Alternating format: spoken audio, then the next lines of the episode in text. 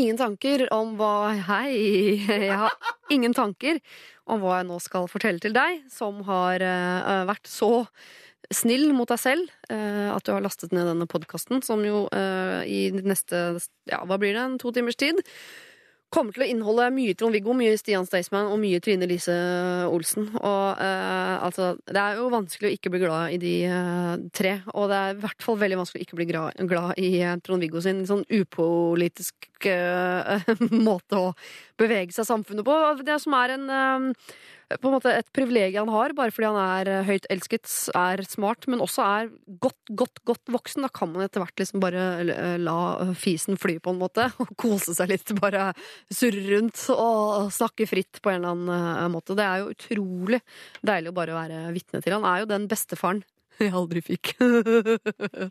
Å, så trist det ble, da. Men jeg mente det humoristisk, altså. Kos deg, da! Jeg regner med du sitter på tog. Jeg har ikke noe å si om det. Ha det. P3. Dette er Lørdagsrådet med Siri Kristiansen. På P3. P3. Åh, alle har hatt en sånn morgen, har de ikke det, da? Eh, Dr. Jones har en eh, teknisk litt klumsete morgen. Det går kjempefint, Jonas. Jonas. Jeg er kjempeglad i deg uansett hvor mange låter på rad du setter på uten at jeg får lov til å snakke imellom. Det går helt fint. Jeg eh, har litt sånn høy puls i dag uh, sjæl, jeg. Uh, tok uh, taxi opp hit til eh, NRK Marienlyst eh, i dag morges, som jeg jo eh, gjør ganske ofte. For å i det hele tatt rekke å komme hit. Og det skal ikke ta mer enn sju minutter det, med taxi fra Oslo S opp eh, hit. Koster ca. 170 kroner. I dag brukte jeg vel en sånn som 25 minutter og betalte i overkant av 300. Og jeg var så sint hele veien. Inni i eh, hodet og eh, lever og milt, og all, alle organene mine sto virkelig liksom og skrek, og jeg hadde så lyst til å si fra. Og da kom jeg på noe midt oppi dette her. Man pleier jo ikke å være smart når man er eh, sint. Eh, det kan jeg fortelle om en annen gang. Sånn fungerer ikke hjernen. Når man er sint, så går man inn i en modus som gjør at hjernen ikke fungerer så veldig godt, rett og slett. Nettopp derfor bør man ikke krangle når man er sint. Men det som faktisk skjer, da, midt oppi alt mitt eh, undertrykte hat og sinne i baksetet på en taxi, er at jeg skjønner litt hvorfor sånne som jeg i hvert fall er konfliktsky. Og kanskje dette er grunnen til at eh, du og så mange av dere er nettopp konfliktsky. Det er fordi inni mitt hode så høres alle setninger jeg har lyst til å si høyt, så slemme ut. Alt jeg har lyst til å si og alt jeg tenker er så utrolig lite hyggelig at jeg ser ikke for meg at jeg skal kunne få sagt fra på en måte som ikke er en kjip beskjed å få for den man snakker til.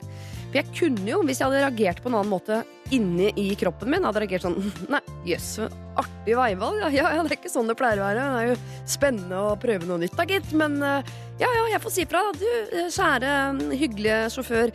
Hvis du tar til høyre her, så er vi rett på den veien jeg pleier å ta. Hva med det? Hvis det hadde vært sånn inni hodet mitt, så kunne jeg sikkert ha klart å formidle noe sånt til en annen person. Jeg ville ikke engang tenkt over at det var en konflikt jeg drev med. Men i mitt hode så er det sånn I satans moderland, nå må du for helvete se og ta til venstre, ellers så klikker det for meg. Så, altså, alt inni mitt hode er så slemt at jeg kan i beste fall så kunne jeg få skvist ut noe sånt som Jeg skjønner at du nå har kjempelyst til å gjøre om deg, men jeg vil kjempegjerne rekke min jobb, og da må vi nesten ta en annen vei, da. Skjønner du? Altså, det hadde blitt så hersketeknikk og uh, grusomt formulert at det hadde blitt en vanskelig og lite hyggelig konflikt. Og det tror jeg er nøkkelen til hvorfor eh, i hvert fall eh, jeg er konfliktsky. Fordi inni hodet mitt så er konflikten så stygg, og jeg vet ikke om jeg klarer å levere den på en eh, fruktbar måte på noe som helst eh, tidspunkt.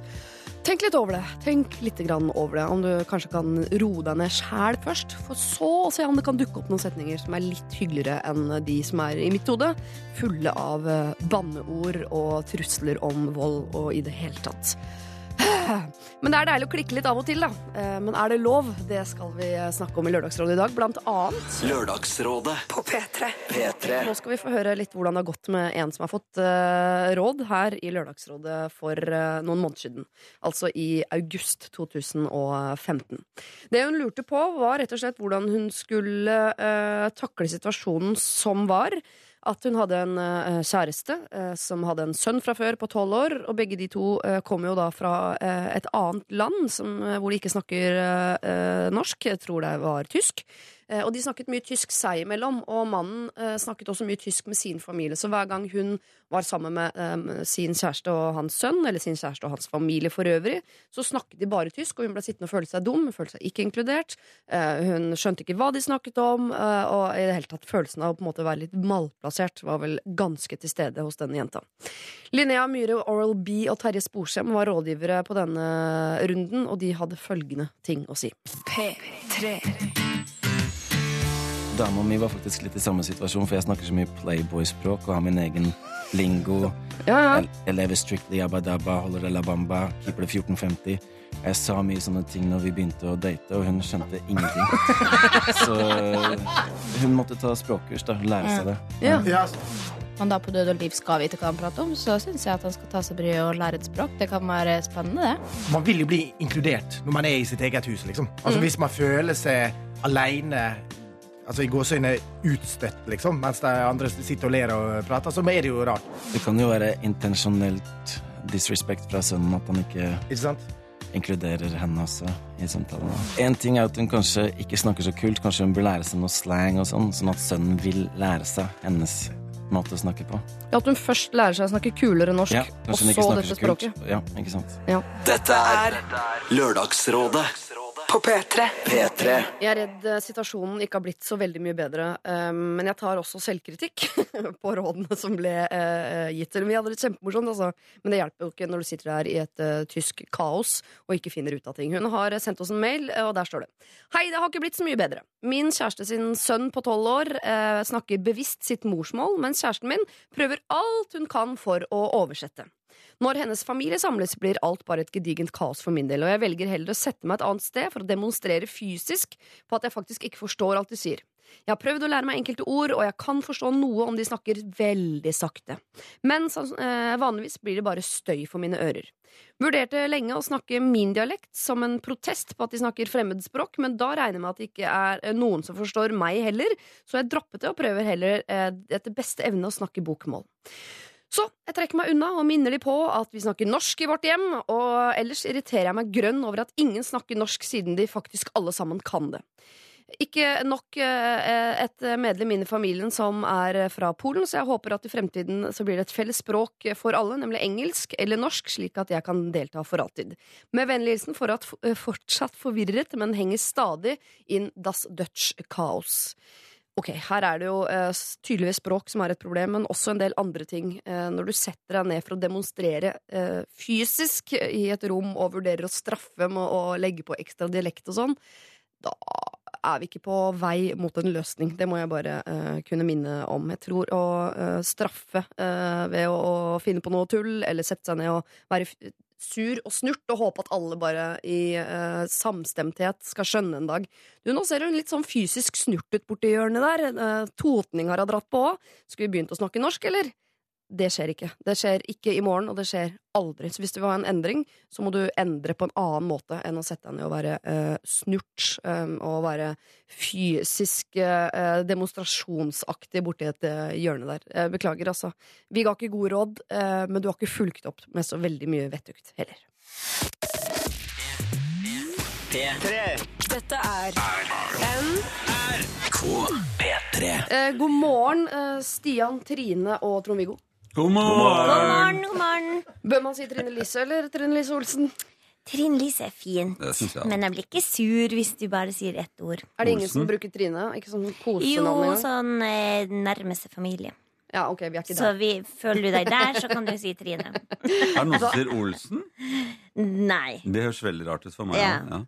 Ja, da sier i hvert fall Trine Lise i de neste to timene, også. mot Ja. slutten så er det mulig. Eh, jeg nøyer meg med Trine. Ikke Ja, sant? For når vi er får se hvordan det går. Ja.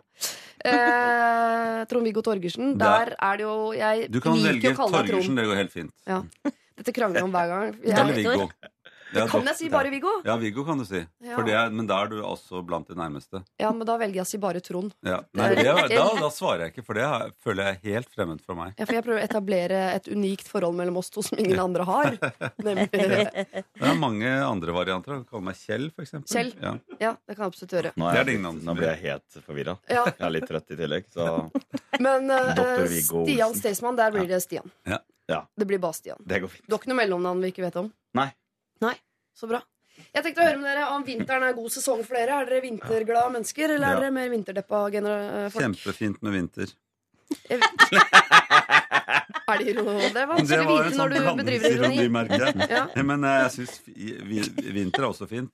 Jeg har ikke noe forhold til at det er mye bedre på en annen årstid. Jeg. Er det fordi det ikke blir ordentlig vinter i Bergen, eller gjør det det? Jo, det gjør det òg. Ja. Det, var- men altså, det syns jeg er litt dumt at de har vinter i byen. Altså Ja. at det er snø i byen. For at eh, Bergen er jo veldig praktisk når det ikke er eh, snø, men så er den veldig upraktisk. Det er ikke laget for å ha snø der. Nei. Så det har de vanligvis oppe på fjellet på Vestlandet. Så, øh, de er, men det er greit. Jeg småker jo den vekk igjen, da. Jeg pleier å sammenligne snø med, med masse baller. At ballrom er gøy, men ikke gatene, vær så snill. Ja, sånn. Det blir, altså, kan vi ha det på uh, avsperrede områder? Men de bråker sånn når de, når de måker om morgenen. Skraper og skraper. Og det, eh, for det er jo bare asfalt under. Så det er ikke sånn når man måker snø andre steder hvor det er snø fra før av. Sier sånn husj, husj. I Bergen sier det Ja. Det ble ikke bra nok det engang. Altså. Det var skraping på, langs eh, brostein. Ja. Sånn er det vel ikke i Tromsø, Trine Lise? Der er det vel skraping Det er første døgnet. så er det- skraping. Men, men det som de har der, de har sånn ryggelyd. eh, Så de begynner klokka fem og, bare i hel...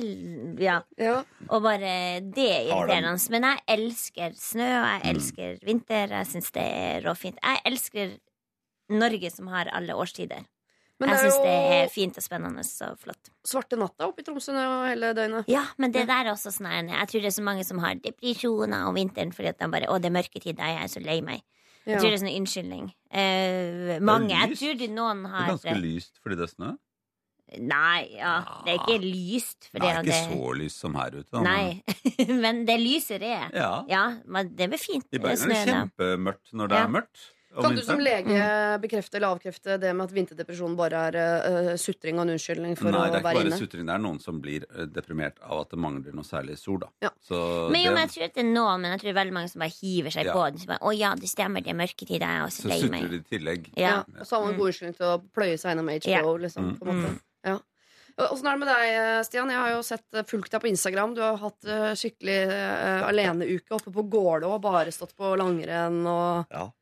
Altså, egentlig så er jeg ikke så glad i snø.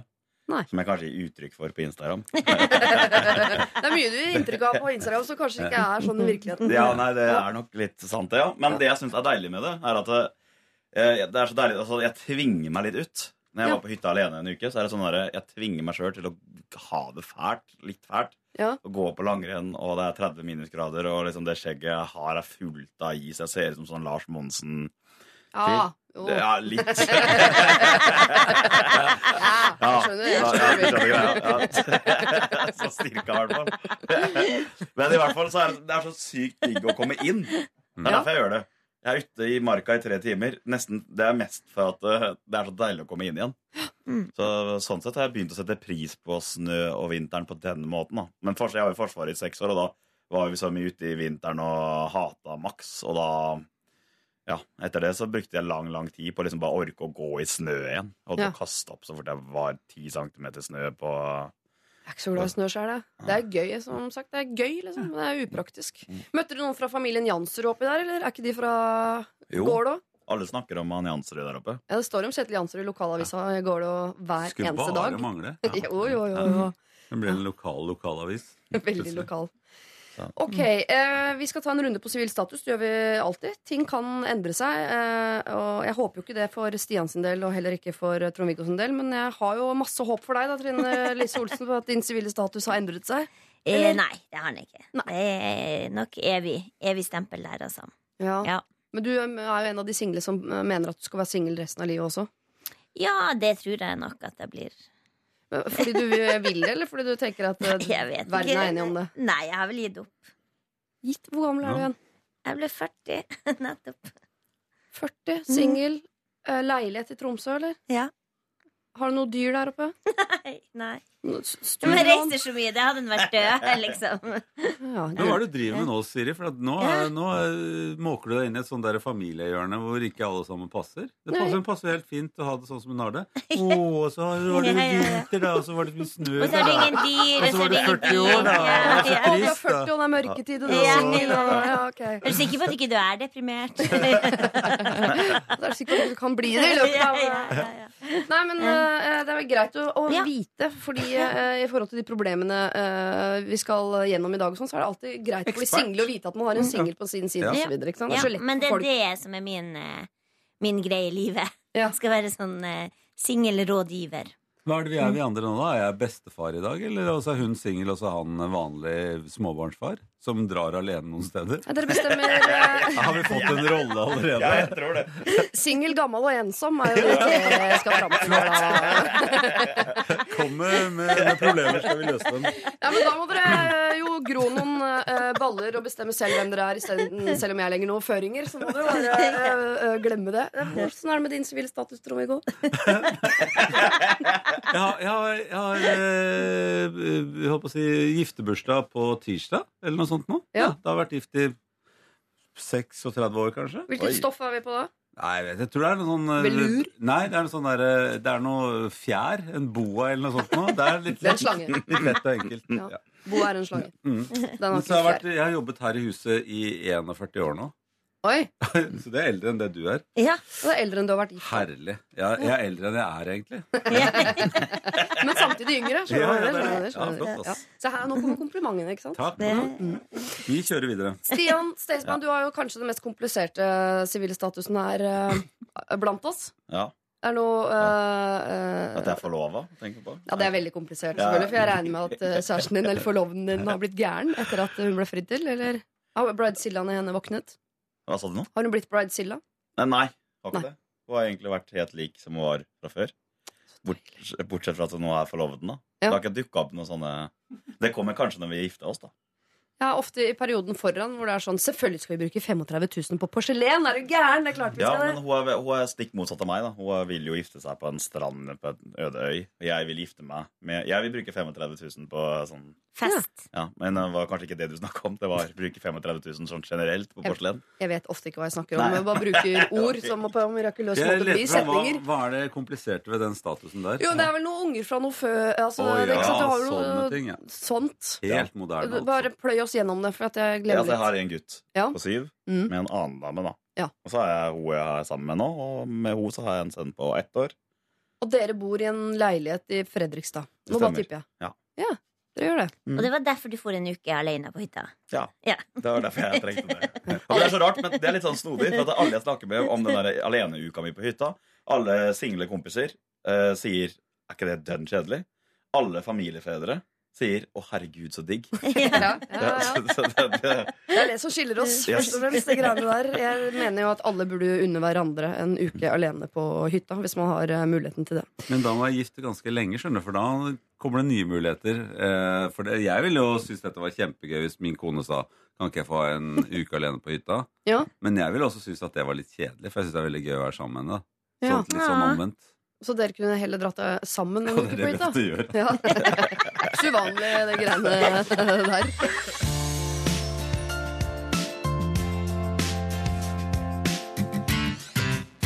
Vi skal eh, treffe Maria, som er eh, 24 år, som har sendt en mail til oss hvor eh, det står På videregående kom jeg i klasse med ei eh, jeg var veldig god venninne med fra før. En sånn innmari skoleflink jente som alle syns er dritkul.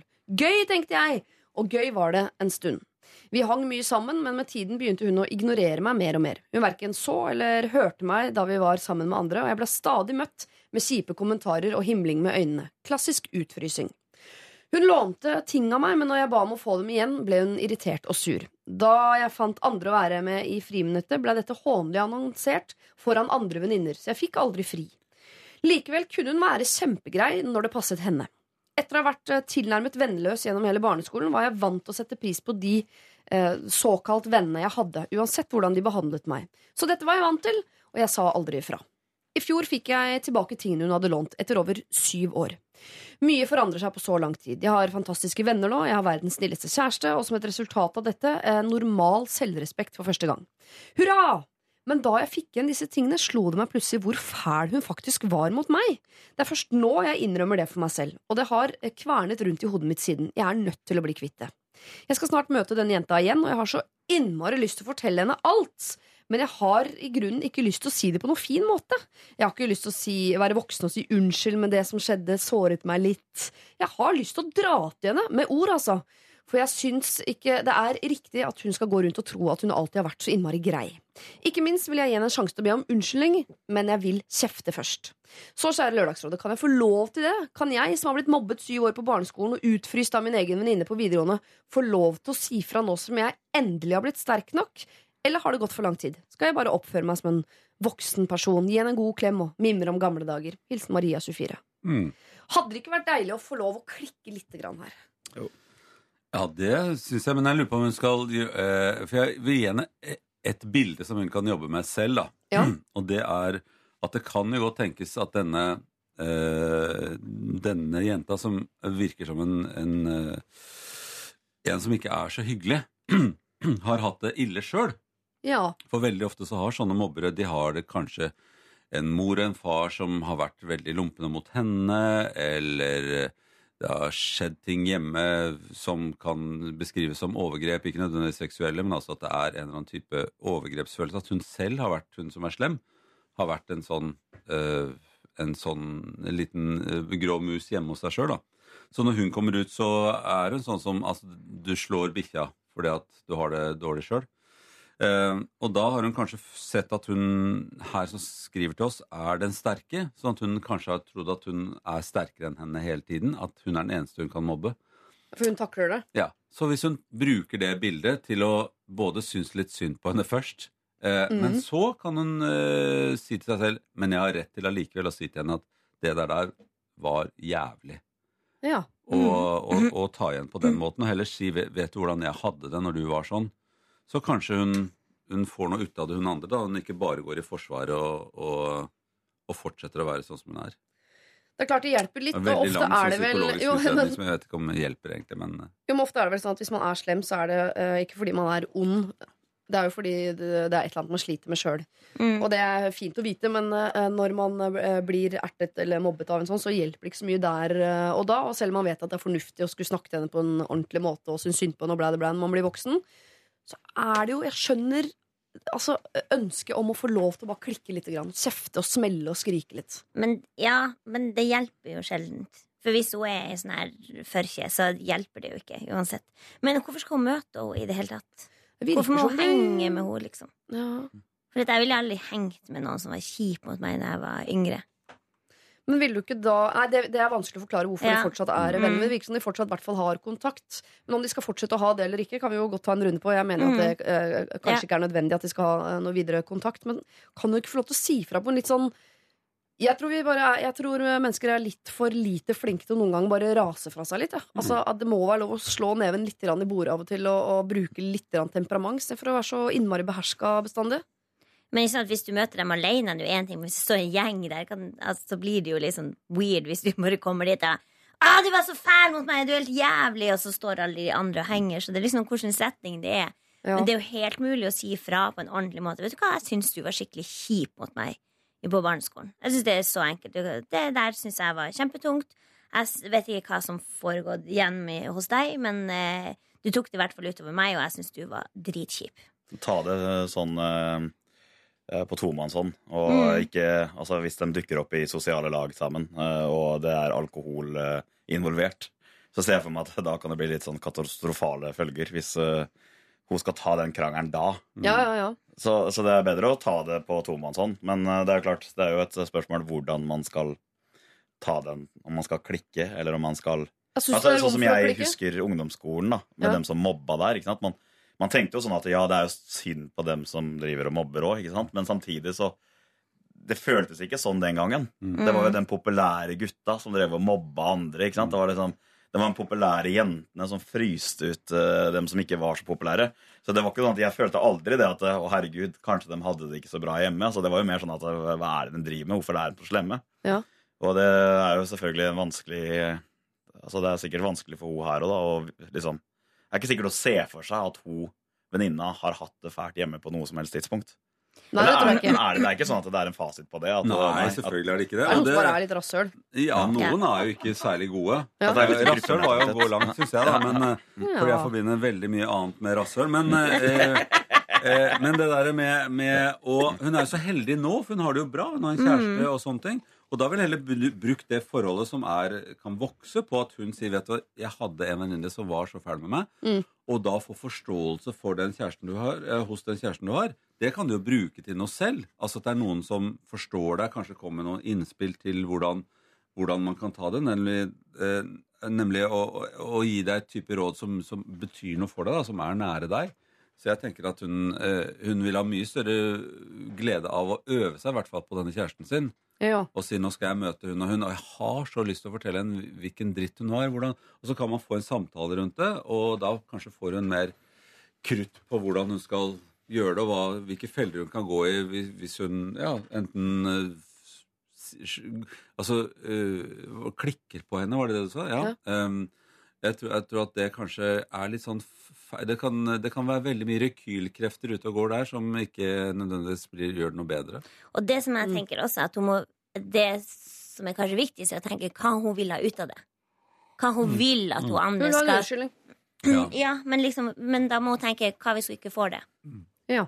Hvordan går hun videre da? Altså, hvis du tenker liksom, hva er det jeg vil ha en unnskyldning, det er det hun vil ha. Men hun må også tenke scenario, hva hvis jeg ikke får den? Hva hvis Ja. hun er fortsatt like kjip? Og hva vil, at kanskje heller prøve å bruke den energien som hun har, på det bra hun har, istedenfor å bruke energi på det som var kjipt før.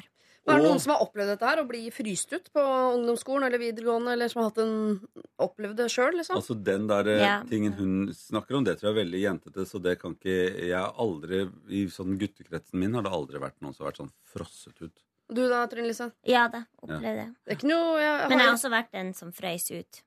ja, Mm, jeg har vært begge. Ja, jeg tror jeg må skrive under på den kontrakten der, jeg også, faktisk. Men husker selvfølgelig eh, den når man ble fryst ut. Det husker man selvfølgelig best. Mm. Fordi det er det som er eh, er verst. det Jeg skjønner at det kan sitte i. det er noen sånne eh, alfahunder her? Ja. Det var sånn jeg følte det. At det var alltid den, den de, de populære uh, jenta Mm. som dro med seg ti andre. Ja. Og fikk med dem på å fryse ut noen. Så så drar alltid- de med seg bestevenninna di, som egentlig ikke vil være med. Som du ser Mm. at har sånn vanskelig blikk. Som bare ikke tør å si ifra at hun er alfahannen. Så da velger hun heller å være Yes. kjip mot bestevenninnen. sin. sånn. Det er noen Mm. mekanismer der som er helt forferdelige. Mm. Men det, det motsatte er jo at det som kan skje, er at når, du, når hun kommer med den salven og klikker, Mm. så kan jo vedkommende bryte sammen i gråt fordi at hun har da Altså hun tar det på en helt annen måte enn du tror. Skal hun da begynne å trøste henne som da en, får en reaksjon, og den er å, gjorde jeg det mot deg også? Jeg er altså så lei meg. Og, og hun Nei, blir nei, liksom nei, nei. Det må gå rett i psykologrolle, som bare sitter og ser på at du gråter til du er ferdig. Ja. Så, så sier man sånn hva, hva foregår i hodet ditt nå? det er ikke slemt. Avventende og, og fint. Men jeg syns det er fint at du spør hva er det hun vil oppnå. Jo, hun vil oppnå å få en unnskyldning. Og hvis hun klikker, så får hun ikke en unnskyldning, men hun får bare rast fra seg, som jo også er litt digg. Men unnskyldningen får hun ikke. Mm. Hva tenker Hvis hun legger det fram nå, at hun kan bruke det at hun er på et fint sted i livet, Mm. at hun kan bruke den styrken hun nå har, at hun kan bruke den til å på en måte være eh, fortsatt være den sterke og si dette opplevde jeg eh, hos deg, det var helt forferdelig. Kan du huske det? Vet du hvorfor det var sånn? Uh, og så kan hun bruke, Hvis hun ikke får en unnskyldning nå, så kan hun bruke nettopp det som en unnskyldning for seg selv til å ikke ha så mye med dette mennesket å gjøre videre. Mm. Og tenk om hun gjør omvendt, at hun sier eh, 'så deilig at du sa dette her', og så setter seg på fanget hennes, så blir det en slags ny klengevenninne. For at Ja. hun har, vet du hvordan jeg har hatt det siden den tiden? Det, det gikk oh, ikke ja. så bra med meg, og, og så plutselig skal hun ha en, Hun henne har fått en syk hund. Ja, Mm. Da ville jeg heller ha prøvd meg på kjæresten min og forklart hvordan det var. Altså, du er litt forberedt.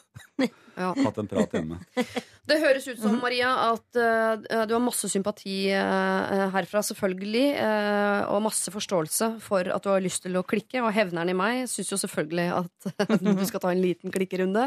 Men rådet her har blitt enig om at det du skal gjøre, er snakk mye med kjæresten din hjemme. Bruk den styrken du allerede har, til å snakke med venninnen din. Tenk gjennom hva det er du vil oppnå. Hva skjer hvis det ikke oppnår det du hadde tenkt at du skulle oppnå? Og så får du jo på andre siden av det ta stilling til om hvorvidt dette er en eh, såkalt venninne du trenger å ha så veldig mye mer med å gjøre i uh, framtiden.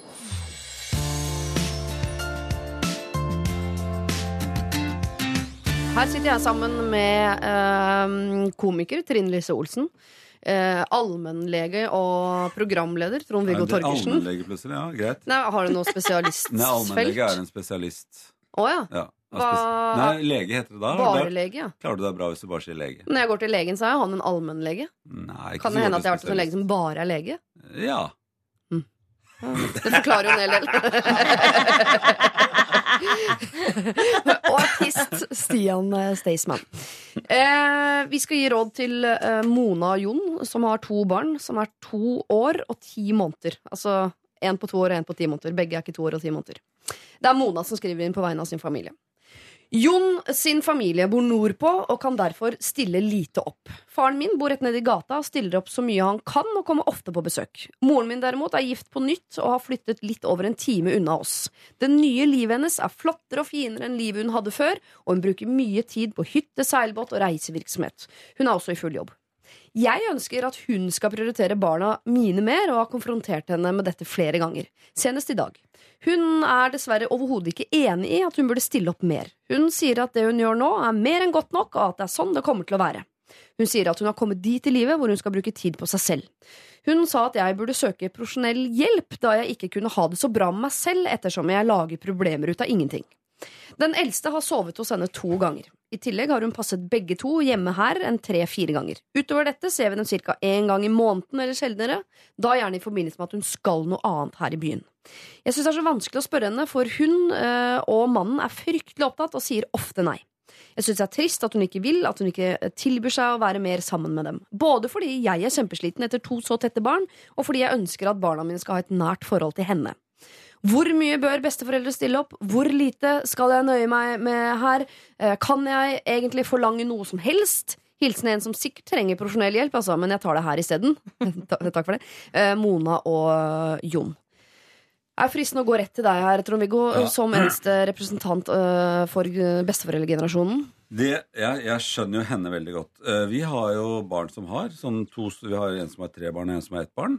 Og, og, jeg, og de har jo sikkert lyst til at vi skal stille opp, og det gjør vi også. Vi bor da heldigvis ganske nære dem. Men jeg merker også at eh, eh, kona mi, som da jobber fryktelig mye, hun sier øh, at et eller annet sted så er det nok, på en måte. Nå har jeg lyst til å ha en dag hvor vi er alene, og hvor vi gjør våre ting. Eh, Og så er det noen ganger det rett og slett ikke passer. Fordi at Nei, da er jeg i Oslo. Nei, da er hun på jobb. Nei, da altså, Og vi, vi kan ikke.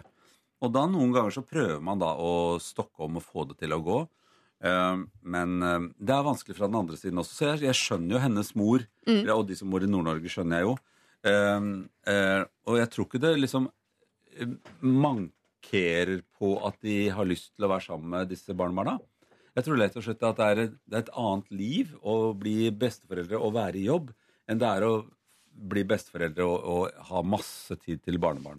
Og så er det de som klenger på barnebarna, hvor, eh, hvor foreldrene mener at nei, nå ikke bland deg i barneoppdragelsen og ikke gjør det på deres måte. Så det å finne en sånn balanse der er jo, er jo viktig, da. Ja. Eh, Åssen er det med besteforeldre hos dere, Stian? Stiller de opp, øh, Er de klengete, eller stiller de opp for lite, eller? Nei, altså, de har en sånn perfekt balansegang, syns jeg. Ja. Jeg syns mammaen til eh, kjæresten min Hun er jo, stiller opp rett som det er. Ja. Så jeg, har, jeg er ute og reiser hele tida, så det er litt koselig å ha med seg kjæresten min. Og det er ikke alltid det passer å ha med seg ettåringen. Så eh, Nei, altså, jeg syns at eh, mamma har kanskje vært litt eh, min mor, har kanskje vært litt ivrig innimellom, men det går litt mer på at hun er sånn derre hun liker å gå turer på søndag klokka åtte om morgenen, og vi står ikke opp før tolv. Så hvis hun bare dukker opp uanmeldt klokka åtte om morgenen og spør om hun kan ha med seg ungen, så blir det litt krasj for oss. Men jeg syns de er flinke. Altså. De er Kunne lage en sånn luke et eller annet sted, så hun bare kan gå og hente barnet, og, og så komme tilbake og levere det igjen før dere har stått opp. ja, ja. ja, men så var det da, når ungen virkelig var liten, da Når han sov stort sett hele døgnet. Så var det litt sånn bare sånn Huska nesten ikke om mora mi hadde vært der og henta den engang. Da var jo ungen der vekk. Ja, men så Ja da. Men øh, jeg syns de er øh, Jeg synes de har sånn I hvert fall for min del, da, så stiller de opp sånn passe. Men Det er jo vanskelig å endre noen Altså Hvis mora sier at Altså bestemora sier at hun gjør, gjør nok, så er det jo vanskelig å endre det når hun har spurt om hjelp. Ja. Så er, jo, så er det jo vanskelig å endre hennes måte å være på, da. Fordi at hun syns jo hun gjør nok allerede. Men er det ikke litt Og det er sånn det øh, som er vanskelig her. Ja, ja, for jeg, sånn jeg tenker da At øh, burde man ikke tenkt innom det her før man fikk barn? Ja. At øh, Man kan jo ikke tenke sånn når man får barn, at man Ja, nei, men foreldrene mine skal jo ta ansvaret for den ungen. Altså, vi, Nei, egentlig så burde man jo uh, Hvis du skal sette helt på spissen, så tenker jeg hvis du skal få barn, så bør du gå gjennom Har jeg uh, 24 timer tilgjengelig i døgnet uh, i noen år framover, og har jeg eh, penger nok til eh, å eh, gi dette barnet alt det trenger. Eh, har du ikke det, så må du jo spørre om det er andre involverte i ring to og tre utenfor der som er interessert i å, å være med på dette fellesprosjektet. Få barn. Ja, for jeg tror det er noe nytt. Altså, I hvert fall så var det sånn at eh, når vi fikk barn, så, uh, så regnet ikke vi med at besteforeldrene kunne stille opp i det hele tatt. Vi. Mm. Og vi flyttet jo til en annen by, sånn at uh, da, der bodde de jo ikke, disse besteforeldrene. Så vi måtte satse på det vi hadde selv, og jeg jobbet jo veldig mye, jeg var barneombud da. Småbarn, og det å være lege eh, i praksis. Og da tenker jeg sånn, ja, men vi kan jo ikke regne med at besteforeldrene skal flytte etter og stille opp eh, på alle mulige steder. Så man, eh, eh, nå tenker jeg at mine barn er jo kjempeheldige som har oss i nærheten. Eh, og dermed så blir vi en del av deres puslespill. Eh, og sånn som det er med SMS nå, så kan man jo planlegge mye tidligere. Kan dere ta barna da og da? Kan vi gjøre sånn og sånn? Kan dere, ja, men Hvis dere kommer klokka seks, kan vi dra litt tidlig? Og så- altså alt det der der. Det kan man jo gjøre nå, fordi at man har så mye mer sånn eh, kommunikasjonsmuligheter. Ja. Så hvis du er fleksibel og, og grei på begge sider, tenker jeg Og hvis hun bestemoren da må si ifra 'nå syns jeg jeg har gjort nok', jeg har et nytt liv med en ny mann og alt det så er jo hun også i et, en ny fase av livet sitt. da. Det virker ikke som Mona og Jon her synes at familien til Jon som bor nordpå, at det er problematisk at de ser de lite. Jeg tror det er kun denne moren som føles som hun er ganske nærme, men ikke nærme nok. Men de har jo, og dette er jo egentlig ikke så vanlig i problemene i forhold til Lørdagsrådet, at her er det noen som allerede er i dialog, og som har sagt fram hva de syns er vanskelig, og til og med fått et svar på at nei, sånn er det, og sånn kommer det til å være. Og så spiller eh, Mona her litt på at eh, jeg syns det er så trist at hun ikke ønsker å være mer sammen Ja. med barna. Uh, ja, det må man gjerne synes er trist, men jeg tror ikke det å pushe på og, og på en måte si mer til moren sin at eh, 'jeg syns du er her for lite', 'jeg syns du skal stille opp mer', 'jeg syns du skal stille opp mer', vekker en eller annen ekstra kjærlighet til henne som plutselig som våkner og tenker sånn 'Å ja, selvfølgelig er det det jeg skal'. Eh, Nå ser jeg jo hvor mye jeg elsker disse barnebarna. Jeg tror ikke du får liksom Jeg tror ikke du får forhandla deg fram til. Nei, for Mer det, kjærlighet, det, ja, eller- det er det jeg føler at det er en sånn sårhet på at, at hun ikke vil være mer med dem. At det er det hun er mer lei seg for, enn kanskje nødvendigvis det at hun er der. Men de ses jo ca. én gang i måneden, og hun bor en time unna. Ja, synes jeg det var ganske mye. Ja, det Ja. syns jeg jo. Ja. Jeg er vant til at, altså jeg var jo sur på min mor fordi at ikke hun kom til Bergen der vi bodde og hadde en Viken eller noe sånt og var tilgjengelig. Men uh, hun syntes at det gjorde ikke noe at hun, at hun hadde sitt liv. Sånn fikk det være. Ja. Uh, og det, det må man jo regne med, at, eh, at folk har sitt liv. Ja. Og de som har unger, de har de ungene. Det er jo deres unger, på godt og vondt. Eh, og noen har det omvendt, at de har, sånne besteforeldre som bare trenger seg på hele tiden. Og det er et annet type problem. Så hun, kan- jo, hun kan jo si at jeg er heldig som har det sånn akkurat passe. Ja, for jeg syns dette høres akkurat passe ut. Nemlig de er på besøk ca. en gang i måneden overnatta to ganger og passa de fire. Sånn syns det egentlig høres eh, ganske mye ut, for å være helt ærlig. Og jeg vil også snudd på sånn Hvis du nå syns det er slitsomt eh, med barn, og det er det jo, og så skal du ha det slitsomt med små barn lenge, lenge, lenge, lenge, lenge, lenge helt til det ikke er slitsomt lenger. Men da jammen meg eldstemann godt og fått egne unger, så da skal du passe på de isteden. Jeg skjønner jo behovet for sånn nå er de endelig voksne, de har klart seg sjøl, jeg har fått meg seilbåt. Ikke søren om jeg skal bruke annenhver helg på å passe uh, dems barn igjen. Ja. Jeg er jo akkurat ferdig med å passe dem. Jeg tror i hvert fall ikke at det er noe med at ikke hun er glad i dem å gjøre. Nei. Det har ingenting med å gjøre. For jeg syns også det var sånn som du sier, at det er passe mengde. Så her, eh, Mona og Jon, jeg, jeg, jeg, vi skjønner at dere er slitne, vi skjønner at behovet for hjelp er der, osv. Men eh, her tenker jeg altså du må tenke hvordan det er for moren din, som jo har dette nye, flotte livet og de andre prioriteringene. Sånn. Det handler ikke om kjærlighet til dine barn. Det er bare noe med at det, er på en måte det puslespillet det er å ha barn, det må man i utgangspunktet klare å legge selv. Og hvis det er noen brikker som absolutt ikke passer, så kan man be om hjelp. Men alt utover det, det må komme på eget initiativ. Og jeg ser at du skulle ønske at det var mer eget initiativ, men det er det ikke. Og du kan ikke be om eget initiativ. Da er det ikke eget initiativ, da. Lørdagsrådet med Siri Kristiansen. På P3. P3. Hvor vi skal snakke om noe jeg tror vi ikke har snakket om tidligere i den lange historien vi etter hvert har eh, fått. Er dere kilende, folkens? Stian Stesmann, er du kilen? Jo, noen få utvalgte steder. Ikke gi meg det blikket. Det er for tidlig på morgenen. Men altså sånn eh, at du ler kilen, eller at du syns det er ubehagelig kilen? Nei, litt sånn uh, blanding, kanskje. Blanding, kanskje. Ja. Ja. Men det er ikke sånn kilen under føttene og sånn. Nei. Hvor, jeg ser, du vil at jeg skal spørre hvor. Jeg ser det. Du ber om hundeblikket ditt. Hvor er det du er så kilen? Det er et sted er fryktelig kilen. Ja. Det er akkurat den derre Der andre menn som er veltrente, Mm. har den derre V-en. Å, det syns jeg er så stygt. Det, det, det greske Altså, ser ut som statue- lemmet ditt starter rett ved siden av navlen. Ja. Ja, nei, det er ikke fint. Men, men akkurat den, den V-greiene der, Ja. rundt der, er helt ekstremt kilen. Mm. Ja. Og det er sånn, Selv om jeg konsentrerer meg om at eh, nei, nå skal jeg ikke være kilen der, Ja. så blir, blir, går det galt hvis noen prøver. Ja. Og Gærlig som tisser du på det? Er Nei, sånn nei det er, det er nesten, det er, akkurat der er jeg så kilen at det er nesten ubehagelig. Og så er det med deg, Trond-Viggo. Nei, jeg er nok kilen sånn eh, her i brystregionen. Altså, Klassisk sånn, kilen, du, klassisk kilen. type. Ja. Ja. men da kan jeg si til meg selv Nei, du klarer ikke kile meg. Og så kan jeg liksom konsentrere meg vekk fra det. Du sier til deg sjøl Nei, Du det er klarer ikke å den kile som deg. prøver å kile meg. Ja. Men jeg har en kone som når jeg kiler henne, så blir hun altså så fortvilet og sint. Ja. Så kosekiling må det aldri være noe kiling over. Det må være bare ren kosing, ellers så blir hun sinna. Ja. Eh, for at hun syns det er, er så ubehagelig å ikke ha Altså, jeg tror det er det at er dette gøy, eller er det ikke gøy? Nei, nå går det over til å ikke være gøy, og han fortsetter. Det har jeg nok gjort litt for mange ganger.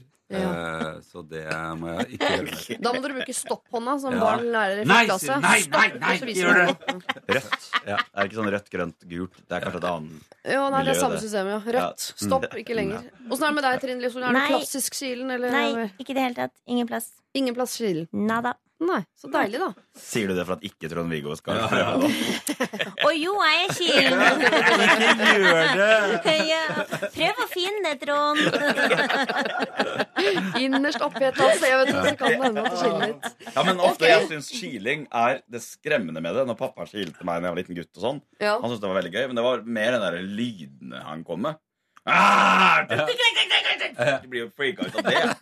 Og så, da blir man liksom sånn Ja, Det kan være litt dramatisk, rett og slett. Eh, med dette så skal vi prøve å gi så gode råd vi kan. Jeg lurer på om vi må legge på legeutdannelsen din her også, Tom Viggo, okay. for dette har jeg ikke vært borti før. Den er tilgjengelig. Eh, bra.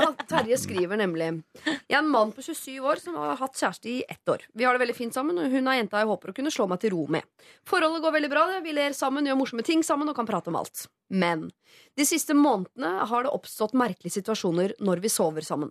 Kjæresten min hevder at jeg regelrett kiler henne flere ganger midt på natta, og hun er merkbart irritert på morgenen på grunn av dette. Selv sover jeg som en stein og kan helt ærlig ikke huske noe av hendelsen. Dette har bygd seg opp over tid, og jeg frykter at det gode forholdet vi har, står i fare. Hun blir så irritert at jeg vegrer meg for å sove sammen med henne, og jeg føler det er urettferdig at hun blir sint på meg når jeg faktisk ikke gjør dette med vilje. Så hva kan jeg gjøre, Terje? Altså, er det Har du hørt om denne lidelsen før? At man Nei, er en eh, nattkiler? Men jeg leste et sted at uh, par er visstnok lykkeligere når de ikke sover sammen. Å ja. Ja, at Hvis man har vært i et rom. Sånn som i gamle dager, rett og slett. Gammel, Holder det ikke med et sånn uh, trenattbord imellom? Med sånn eh, Jeg vet ikke. Jeg bare, bare leste et sted. ja, Og da har de liksom fått litt spenning, for at da kommer liksom mannen bøtt snikende inn på natta. Altså, Og kiler. Ja, eller kiler. Nei, det er ikke lov. Jo, kanskje man bevarer den datinggreia litt lenger, for man må faktisk drive og besøke hverandre på natta når det Ja. passer seg. Men de nettene hvor, man, hvor det ikke er liksom rom for besøk, eh, så kan man sove.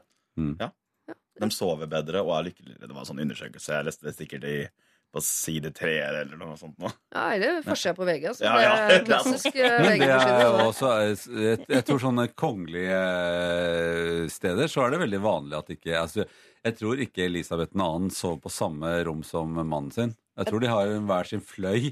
Jeg tror ikke du må- må så langt tilbake. Jeg tror du kan si Sonja og Harald. Jeg ser ikke for meg at de ligger i skje i Nei, 1,80-madrass. altså, Skje er jo kjempeirriterende etter en stund også. Da. Det er, jeg syns det er veldig ekkelt å ha uh, kona mi sånn helt oppi meg når vi skal sove. Da er det ferdig. Kose hver for seg.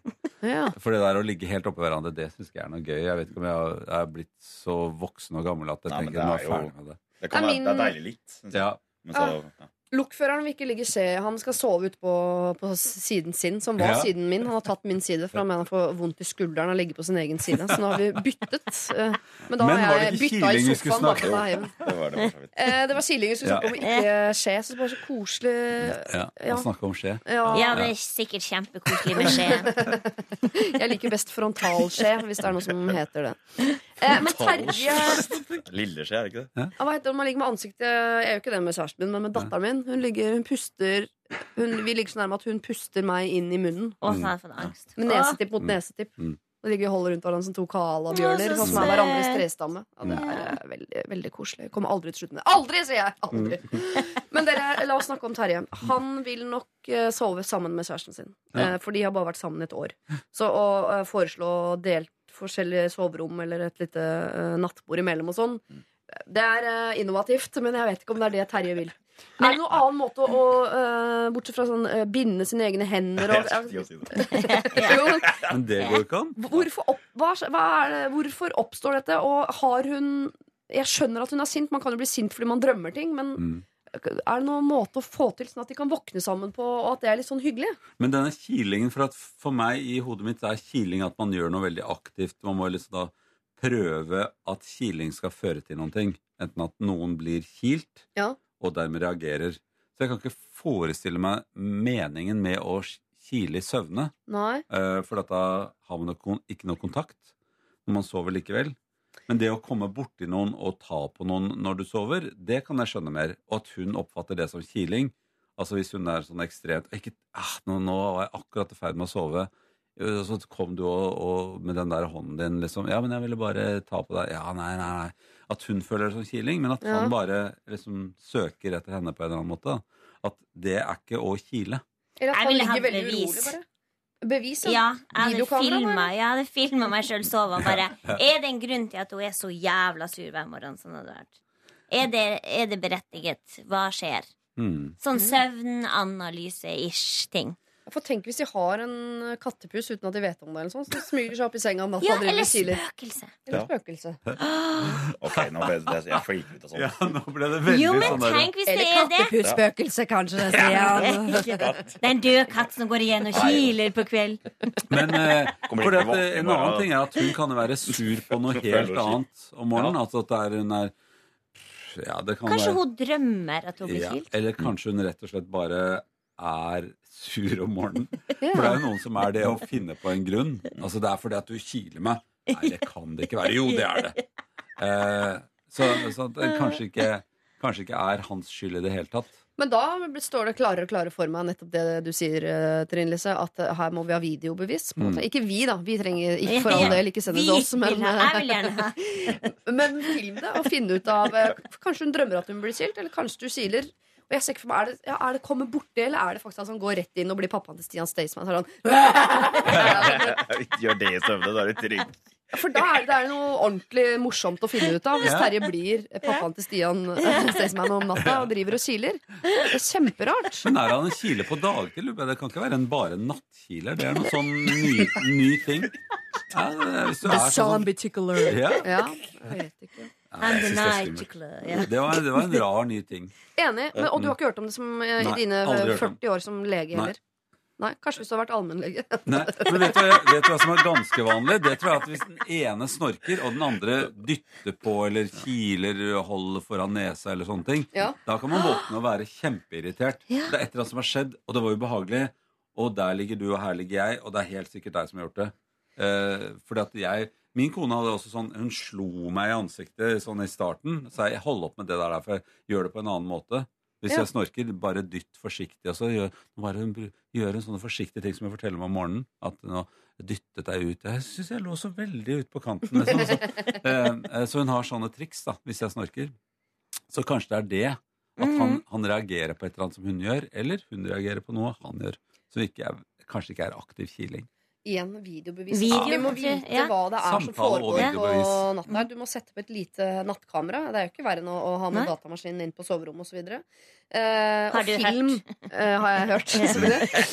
film dette her. Finn ut hva det er som egentlig foregår. Og hvis det er sånn at du av en eller annen merkelig grunn har en eller annen nattlidelse som gjør at du uh, kiler folk, og du aldri har hørt om det før, men det er noe du driver med Det er jo rart at en 27 år gammel mann plutselig skal begynne å kile folk om natten. Eh, så, må vi gå aktivt. Da må vi sette inn et nattbord, eller eh, da må eh, hun få lov til å binde deg til senga, eller da må vi gå liksom all 50 shades of grey inn i dette forholdet og finne en løsning på det. Men først bare film det hele, og finne ut av hva det er som egentlig foregår. For det kan jo hende at det er eh, pusekattspøkelse, eller at det er pappaen til Stian Staysman. Hva vet vi som faktisk er det egentlige problemet her? så kanskje han er en nattkiller? Det kan hende han er en nattkiller, Det er kjempemorsom lidelse å ha. Hvis man først skal eh, ha en. Har du et problem, du som hører på? eh, noe à la dette har vært kjempegøy, så send det inn til oss. Vi sitter her til tolv. Eller alfakrøll nrk.no. P3. Kjerstin, en, hei. Du eh, ligger i en eh, hengekøye på Filippinene et sted og hører på Lørdagsrådet. Eh, det har du tatt bilde av og lagt på Facebook, og det er utrolig irriterende bilde, selvfølgelig. Her vi sitter nærmest med boblejakka på inne her i kalde, kalde, kalde Oslo, men vi blir jo veldig, veldig misunnelige også. Bilde Bildet av oss også ligger på Facebook nå. Bilde av Stian Staysman, Trond-Viggo Torgersen, Trine Lise Olsen og meg selv. Eh, det klassiske Lørdagsrådet-bildet. Ja, vi tar ja, Nydelige portalen. Vi er så fin vi da. Jeg får se, da. Ja, det er kjempe... Du ser veldig glad ut, Stian Seisman. Ja. Virkelig jovial. Thumbs up. Ja. Ja. Ser at det er ingen av oss som har vært på Filippinene nylig. For å si det sånn. Det er en det eh, lover kritthvit gjeng. Gjeng. Og Trond-Viggo, vi ser ut som et par som vanlig. Ja. som det er si. Mm. Dere, Vi raser videre med nytt uh, problem uh, her. Uh, jeg leser fra toppen, som jeg jo stort sett gjør da når jeg leser mail. Hei, Lørdagsrådet. I høst var jeg på en fest hvor de fleste var ukjente for meg. Det var en fin kveld, og jeg møtte mange koselige mennesker. En av disse var Magnus. Vi pratet lenge og lett om alt mulig, der det hele endte med å bli en detaljert og ganske sprø historie om hvordan vi skulle bo og leve livet sammen. Vi pratet om hvordan og når han skulle fri, hvor og hvordan vi skulle reise, og hvor mange barn vi skulle få. Selvfølgelig med en stor ironisk distanse til det hele. Han spurte meg om ikke vi skulle starte vårt nye liv med en date uka etter. Jeg blir ikke så ofte betatt, men når det først skjer, er det gjerne for noen som tenker litt utenfor boksen. Og med dette sjekketrikset faller Magnus definitivt innenfor den kategorien. Derfor så sa jeg ja, og litt klining ble det vel også. Etter denne kvelden avtalte vi, å- avtalte vi å møtes, men pga. mye skole hos begge så måtte vi utsette. Tida gikk, og fordi det nærmet seg eksamen, var vi begge veldig opptatt. Vi snakket ikke mye sammen, sendte kun noen hverdagslige bilder på Snapchat i ny og ne. Jeg tenkte ikke så mye mer på han, men så, rett før jul, sendte man en melding eh, hvor han sa at han hadde ikke glemt meg, og lurte på om vi ikke skulle ta denne daten etter nyttår. Det var selvfølgelig veldig hyggelig, og han hadde tenkt eh, på meg, og det sa jeg også til han, i tillegg til at jeg sa ja, det må vi prøve å få til. Men jeg misliker å gå på date, jeg. Og jeg misliker det ganske mye. For det første syns jeg eh, det medfører så høye forventninger om hva det skal føre til, eh, og at man til slutt skal bli et par. For det andre vil jeg mye heller se om vi fungerer som venner først, fordi det er viktig for meg at vi kan ha det gøy sammen og koselig sammen, i tillegg til selve kjærestebiten av et forhold. Den andre delen av problemet er at jeg egentlig ikke ønsker meg noe kjæreste akkurat nå. Jeg har vært singel lenge, og jeg nyter det. Noterer du, Trine Lise? Mhm. Likevel hadde vi jo veldig mye å prate om den kvelden, og det virker som om jeg faktisk kan ha det veldig fint sammen med han. Kan jeg foreslå at vi møtes på en annen måte enn date? Kan jeg si til han at jeg bare vil være venner? Jeg vet ikke engang om jeg vil bare være venner, eller om jeg vil noe mer. Kall meg gjerne Sofie, 21 år. Men det hele greia med date er jo å bli kjent. Ja. Når du drar på date, så er det ikke meningen at man Det er jo ikke noen du skal kline, at du skal ligge sammen, at du skal gifte deg. Du, det hele greia med date er jo å møtes og se om man har det fint sammen. Og prate sammen, så ser man da om Hei, har vi lyst til å møtes igjen. Det er jo ikke noe stress. Gå på date. Date er å møtes. Det Det er- akkurat det jeg tenkte også, Ja. En annen måte enn en date. Altså, uansett hvordan hun vil møte den, så vil det jo bli sett på som en date. Da, i mine øyne i hvert fall. Ja. Ja. Eh, Men uh, hun tenker vel kanskje det formelle. Sånn middag og flaske vin som man deler sammen på en restaurant. Jeg vet ikke om hun er det hun freaker ut av, eller hva som er problemet. Jeg får inntrykk av at hun friker ut av ordet date. Ja, for At det, på en måte, at det er en forpliktelse i det ordet. det skjønner jeg faktisk ganske godt. Altså, det, dette er jo et ord som ikke var når vi var unge og datet. Jeg, for, for jeg, jeg Ikke se på meg og si vi. Det var min generasjon, prøvde jeg å si. ja, ja. ja, Eh, fordi at eh, da var Det der date er jo kommet eh, fra Amerika på en eller annen måte. At det, det er en sånn litt mer bindende avtale, forstår jeg det som. Ja, Eh, samtidig som i Amerika så er jo date mindre bindende der, Ja. for da dater man jo seks stykker samtidig. Det har og det jo skjedd et eller annet når, når dette ordet er kommet over dammen, holdt jeg på å si. For at det- Ja, fordi at vi traff jo hverandre, eller uh, møtte hverandre, og det heter jo ikke noe mer enn det. Eh, og enten det var at man uh, prata sammen, eller og til og med gikk en tur. Det var også en måte å date på tidligere, i hvert fall. At man gikk sammen og pratet. Og da var det ikke nødvendigvis sånn at det skulle føre til noe, men man hadde, hadde det hyggelig med noen. Eh, og det var de der første gangene som var litt sånn kleine, da. Og det er det jo alltid. For da vet man hva er dette her for noen ting. Er det, er det, kan man si at det var noe eller ikke? Eh, og den fasen er jo daten. Ja. Eh, sånn at det er, det er lagt for mye forventninger i det. Jeg er helt enig med henne. Men det er jo Eh, deres skyld. De har jo snakket om barn og, og giftermål og bryllupsreise og hva de ikke har pratet om.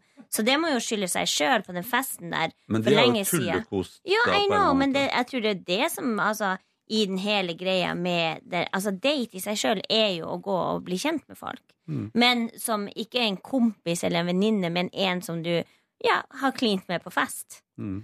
Ja, eh, for det er jo eh, uh, litt rart, eh, Trine Lise, at de kan, uh, selv om det er ironisk distanse, sitte og snakke om hvor mange barn de skal ha, og hvor de skal bo og sånn, så plutselig kommer ordet date opp. Nei, da ble det jo veldig farlig! Ja, ja, ja.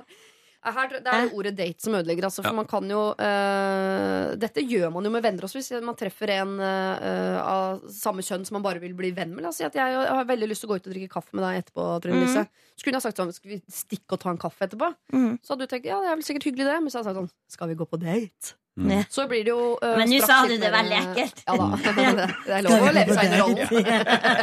Har du spurt på en ordentlig måte, så. Jo, men det er det ordet som er vanskelig, for uansett det er som du sier, Stian, uansett hva de gjør, om de går tur eller eh, går på restaurant eller går på kino, eller hva de gjør, så kan man enten velge det, uh, å si at det er en date, eller så kan man velge å si sånn Ja, en jeg traff på fest, innmari hyggelig fyr.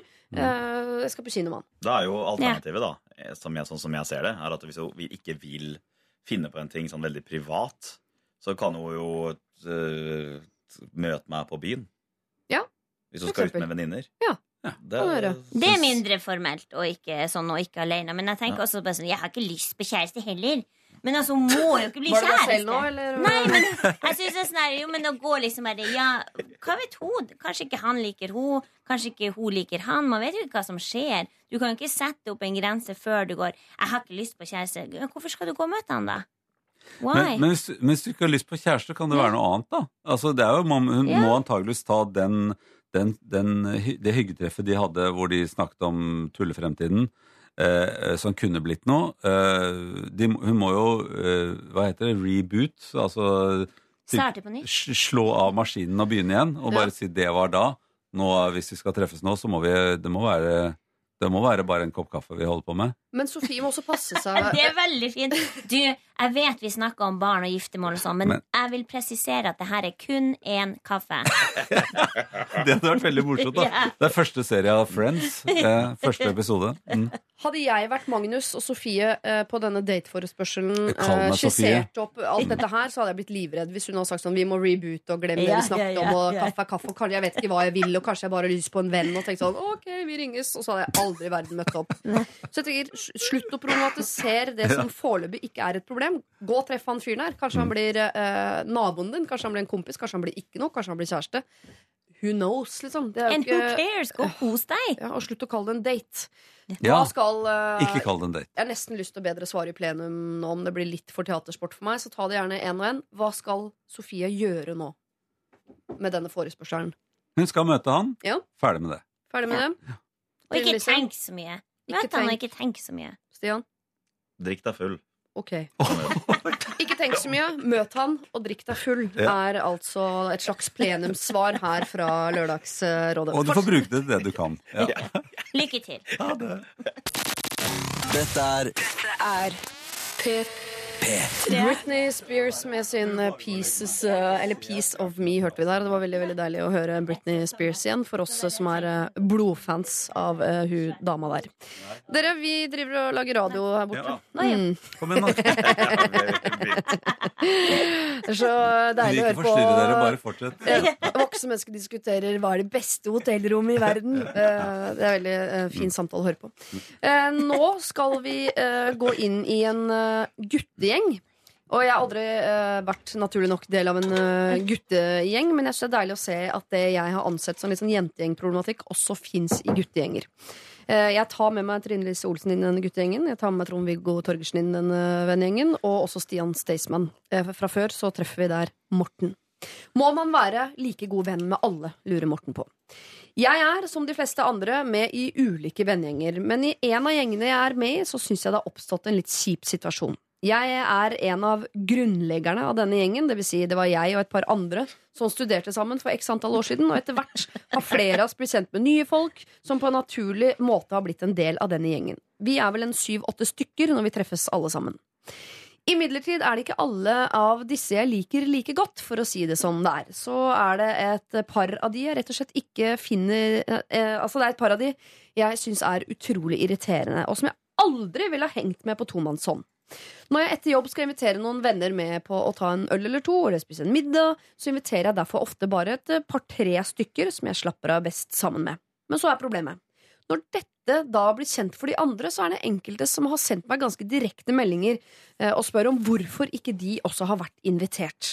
Jeg syns også at det er et ganske stort tiltak å måtte invitere en haug med mennesker og komme fram til hvilket tidspunkt som passer best for alle, når formålet bare er å slappe av. Er det virkelig slik at når man er med i en vennegjeng, så må invitasjonen gå ut til samtlige for at det skal være lov? Vi er gutter. Morten. Det er veldig fint at han presiserer det på slutten. Ja, det var det- ja, jeg skulle spørre, er du det? Ja, ja, Ja, ja. Er du egentlig en gutt? Ja. Er du en hørtes mann? veldig sånn jentegjengaktig ut Ja, ja, ja. for meg, da. Ja, Mm. Jeg syns det er litt forfriskende å vite at, eh, at vi er likere enn vi tror. Ja, men jeg tror det der er et eh, veldig sjeldent uh, tilfelle. Men det er også sånn, det er også sånn at folk er veldig forskjellige. Da. Altså, Ja. Hvis man kan eh, få, få liksom, eh, dekket over dette med at ja, sånne varianter finnes også. Jeg oppdaget når jeg hørte at han snakket, at jeg har veldig få venner. At jeg, jeg tror jeg har mye færre venner enn vanlige folk har. Og det har kona mi også. Hun er sånn som ikke har så mange venner. Men får man ikke færre Altså Det piker på et eller annet tidspunkt i livet, og så blir det færre og færre, for man skjønner at eh, det er viktigere å bruke masse uh, god tid på de man virkelig er glad i, enn drive og surre rundt med folk som er litt kule. Absolutt. Og da velger man jo fra eh, ulike gjenger eller de man har kjent før. Og så, og så bør man jo ikke treffe alle hver eneste gang. Og etter hvert syns jo jeg også at det er, det er jo kjedelig å være sammen bare sånn bulkegjeng. Nå kan du ikke høre hva folk tenker hvis det er altfor mange. Eh, det er nå mitt, eh, mitt behov etter hvert. Da. Det er å ha en ordentlig samtale med noen få. Mm. Eh, heller det enn å, å ha en sånn venn. Jeg tror han er på riktig spor. Han begynner å bli voksen.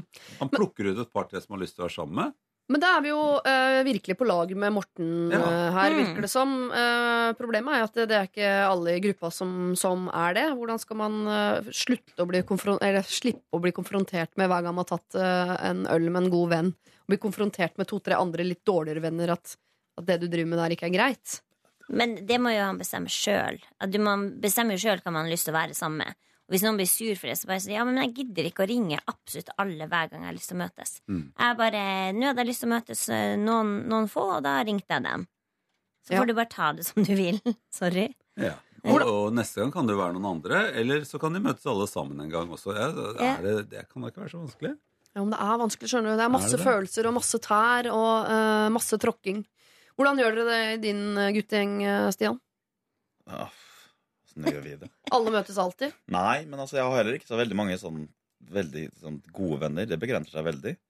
Uh, jeg vet ikke. Det er litt sånn uh, tre-fire stykker kanskje som kjenner meg ordentlig. Men- Mens, mens resten er litt sånn sånn Jeg syns det er koselig liksom, å sende en melding 'Skal vi ta en pils sammen?' Men denne, Mm. altså, du har vel sikkert en eller annen gjeng rundt øh, øh, Altså denne Lass, for eksempel. Lass ta tak i han. Ja da, han Ja. er jo han, Han er kanskje en av de nærmeste. Men eh, du, har har du ikke liksom vært del av en klikk en eller annen gang, og så har du lyst til å bare treffe to av de eller én, eller uten at nødvendigvis hele liksom, gruppa må være med? ja, men Da bare sender jeg en melding til dem. Og så er det ikke et problem? Nei, så jeg har ikke opplevd at det har vært et problem, nei. Men hva er det han er redd for, liksom, ved å ikke liksom, Er, de, er det konfronterer dem han hele tida? Er de, Ja, ja, de, de blir sur på han, liksom. Men Ja. da må man si Men jeg har ikke lyst til å møte alle hele tida. Jeg har lyst til å møte noen få for å ha en fin samtale og, Mm. og drikke noen øl og bare slappe av. Ikke at det skal bli en sånn svær fest hver gang vi møtes. Ja, men det går jo an å ta det litt pent. Altså. Ja.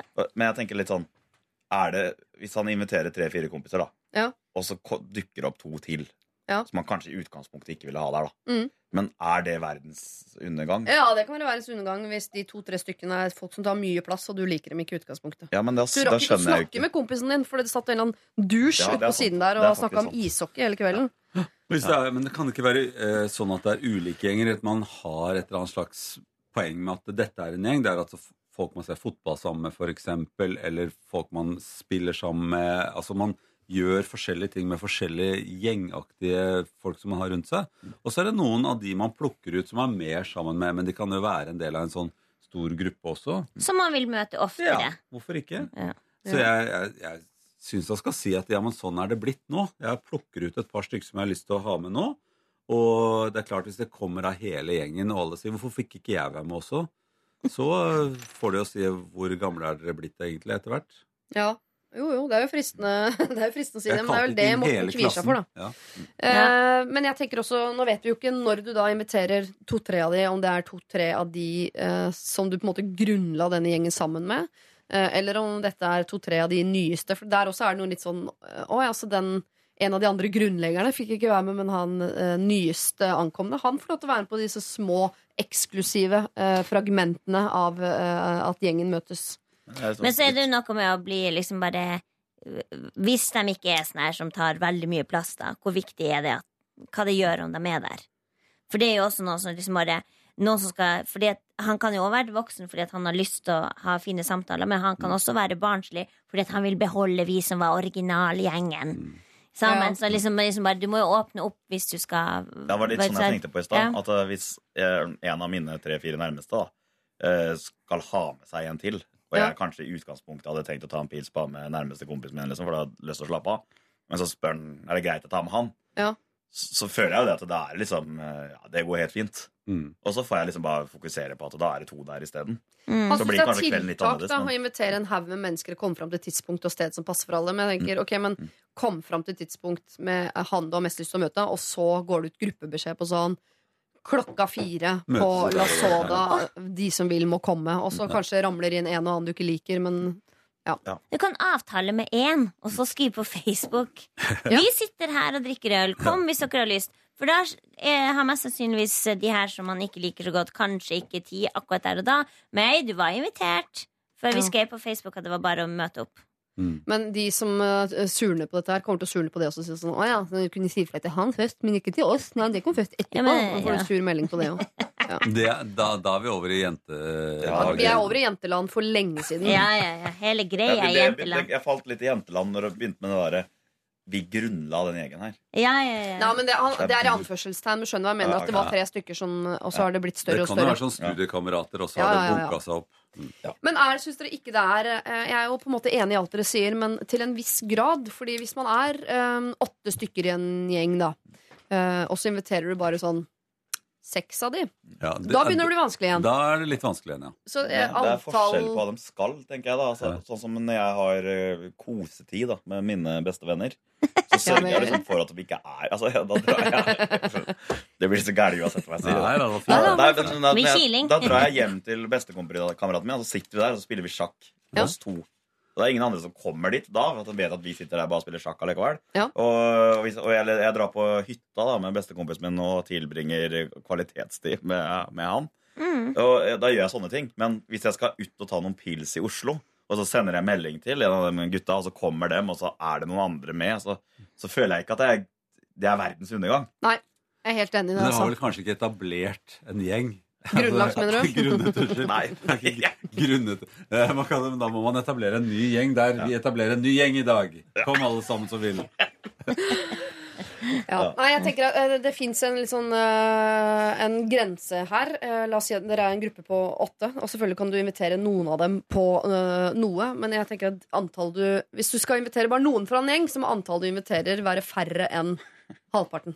ja, Men hvor viktig er det å lage et problem ut av det òg? Det er jo det han må Kjempeviktig. Hvis ikke så har vi noe å snakke om her i Lørdagsrådet.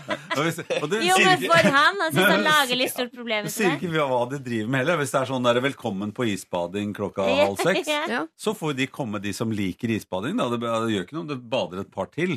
Men uh, hvis det er sånn vi har tenkt å spille sjakk, og det kommer masse folk som bare har lyst til å bøge og drikke og, og se på Bøge? Bøge. Ja, det var bråk. Og bøge betyr selvfølgelig å være homse på svensk eller noe sånt. Ja. Men hvis det, hvis det, hvis, Hvis hvis bare skal komme homse i bakgrunnen når du spiller sjakk. Står to Ja, det var en flott gjeng å etablere. den nyetablerte gjengen Eh, Morten, vi har sporet av, og det beklager jeg eh, på vegne av eh, denne eh, gjengen som jeg har grunnlagt her i dag. Eh, En homogjeng som spiller sjakk og driver Skriver bøger i bakgrunnen her. Jeg husker ikke helt Pleier å lenger spille hva musikk etter sånn, gjør det ikke Jo, vi pleier å gå rett i en ganske sånn vanskelig låt etter noe sånt. Eh, Morten, du har selvfølgelig lov til å tilbringe tid med bare dine beste venner, uten at alle alltid skal være med. Men eh, skill litt på hva dere skal. Altså selvfølgelig eh, Sjakk, det er deg og bestekompisen. Eller hyttetur, det er deg og en annen kompis. Skal dere ut og ta en øl, så kanskje ikke det skal være så viktig om det sitter to eh, stykker og bøger i bakgrunnen. det kan på en måte være eh, greit. Det er noen såre tær i denne gjengen her, som ikke jeg tror fins i alle gjenger, men det gjør det i din, dessverre. Og da eh, handler det også om å ta litt grann, eh, hensyn. Men du har all rett til å bringe, tilbringe tid med de du er glad i, uten at de nødvendigvis skal ha med seg masse folk som bøger i bakgrunnen. Dette er Lørdagsrådet På P3. P3. Nå skal vi treffe en minigris, folkens. Eh, har dere truffet en minigris eh, før? Trine Lise Olsen? Nei. Truffet en minigris? Nei. Og du mener sånne som har minigris istedenfor hund, for eksempel? Ja, ja. Ja, ja. Har du truffet en sånn Ja, ja. minigris? Ja, ja, Ja. ja. Har du, Stian? Ja. Er det mye minigris i Fredrikstad? Nei, men uh, mammaen til uh, eldstesønnen Ja. hadde en sånn gris, husker jeg, Mm. Ja. i gangen.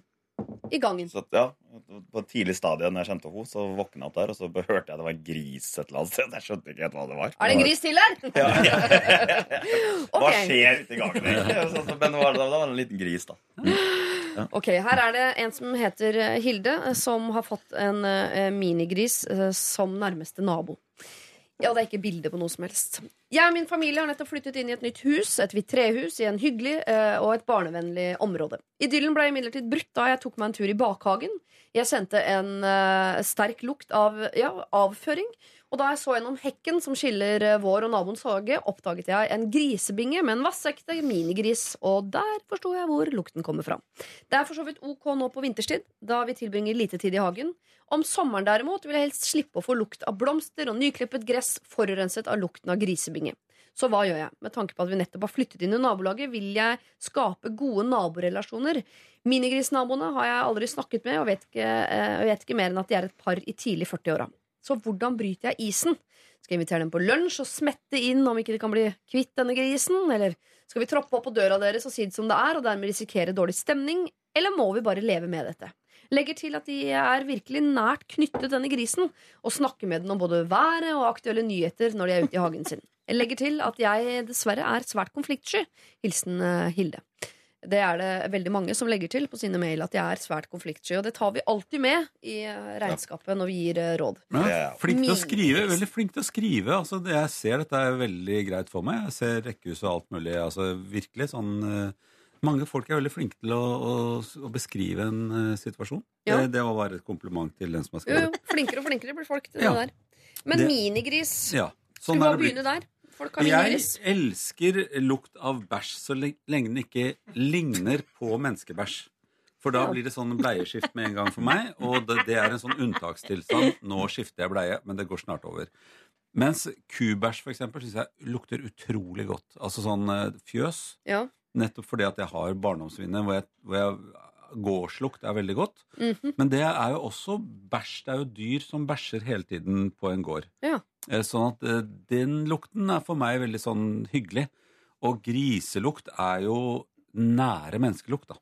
Altså grisebæsj. Hvor vil du med dette? Det jeg prøver å si, er at all bæsj lukter jo ikke vondt. Nei? Så eh, kanskje de ikke er vant til dyrelukt i det hele tatt. Altså de kommer fra, Du sa hvitt hus. Mm. Kanskje det er litt sterilt og, og Zalo-aktig hele deres liv. Ja. Så kan det jo være fint å venne seg litt til at andre lukter eh, annerledes. At andre steder lukter det faktisk Faktisk lite grann. For hvis du er i Bæsj. utlandet, så eh, tåler man jo litt mer sånn at det lukter eksotisk og litt bæsjeaktig. Mens eh, nå sier jeg bæsj flere ganger for at man skal skjønne at jeg mener at det er flere ting. Ja, ja, ja. Ehm, så jeg ville nok vent meg til denne grisen. Jeg ville nok tatt det som et lite prosjekt. Ja, fordi Når du elsker fjøslukt, så kan jo du velge å oppsøke fjøs, inhalere eh, godlukt, og så dra hjem igjen og leve et normalt liv. Men Ja. her har du jo på en måte den fjøslukta så inni eh, din egen hverdag, eh, og det er ikke Men av og til har vi lov å være, mene litt forskjellige ting, og jeg ville da tatt min strategi. Jeg ville gått inn for denne, at den grisen skal være der, og at sånn lukter det i min uh, bakgård. Lær deg å elske minigrisen og den lukten som følger med den. grisen, ja. Ja. Jeg er også så konfliktsky, så jeg har sikkert fylt det samme. Uansett hva jeg hadde ment. Jeg hadde ikke turt å tatt den praten. sånn, nei, nei, det er en helt annen strategi, ja, egentlig. ja. Så jeg hadde bare tenkt sånn at ok, det her, den lukta irriterer meg, men jeg venner meg sikkert til den. Nei, jeg hadde ikke syntes det hadde vært greit når du sitter og griller ute i hagen og koser deg, så bare ei, men det bæsj. Jeg har ikke lyst til å grille i et fjøs. Du har ikke lyst til det, du heller? eller? Du har men ikke lyst altså- til å men det kan man jo synes det velge pølse og å- potetsalat og litt bæsj. Grille litt sånn nakkekoteletter og minne Ja. dem på at Ja, ja, grille denne grisen sier blir en, til å bli nakkekoteletter ganske snart. Ja. Eh, kan, eh, kan man bare slakte den grisen, syns du? Lise? Nei, det er Nei, ikke det lov. syns jeg Du slakter jo ikke hunden. Det er jo en uh, kjæledegge, så det gjør du ikke. Men, men, men du kan jo eksempel grille grisekjøtt og så ha sånn vifte sånn bort til den andre grisen. Ja, sånn her går det hvis du ikke slutter å bæsje og grise så mye. ja. Skremme grisen. Skremme grisen. Nå skjønner ikke mennesker hint veldig veldig ofte, så at griser skal gjøre det, det har jeg Ja, liten tiltro Nei. til. Nei, men jeg tror at du men det, Fordi han det skal ikke bli bacon. Men det er jo, hvis du bare ser på det som om dette her er barnet deres, da, så Mm. ville du jo ikke reagert negativt hvis de hadde barn, det nabohuset. Du ville jo Jo, hvis det lukta konstant bæsj som kom ut, utover Jo, ungen altså, i men nå mente jeg mer sånn holdningsmessig at uh, du må jo regne med at de liker den grisen veldig godt. Og da må man ha respekt for at det er deres Mm. Ja. Så man må jo begynne der, tenker jeg, også være grei med at i utgangspunktet så har de en ting som de er veldig glad i. Ja. Uh, og så må man heller snakke med en nabo som spiller veldig mye bassgitar hele tiden, f.eks. Si at det er veldig fint, men kan vi sette noen grenser for hvor mye og hvor høyt du skal spille, eh, siden du er naboen til oss? Mm. Eh, Og kanskje renser rense en kofte, Flytte rense grisen, den. Flytte ja. Rense oftere. ja. Altså Sånne ting må jo gå an til å spørre. Og bare, unnskyld, vet du hva, Jeg skjønner dere er veldig glad i den der eh, lille bacon dere har i bakgården, men går det an til å flytte den litt og, og så rydde litt oftere? For dette blir veldig mye bæsj-aim til oss, og vi er ikke så veldig glad i det.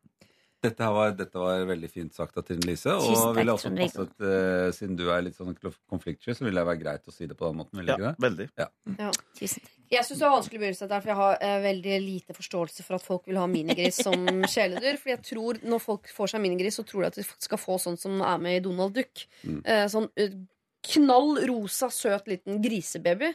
Og så får du minigris, og så er den sikkert knall rosa, søt liten Donald Duck-gris i begynnelsen. Og så blir den større, kjempetjukk, og får lange, svarte kjønnshår over hele. Og er altså eh, eh, I den grad dyr kan bli stygge, så er minigris det styggeste jeg vet om.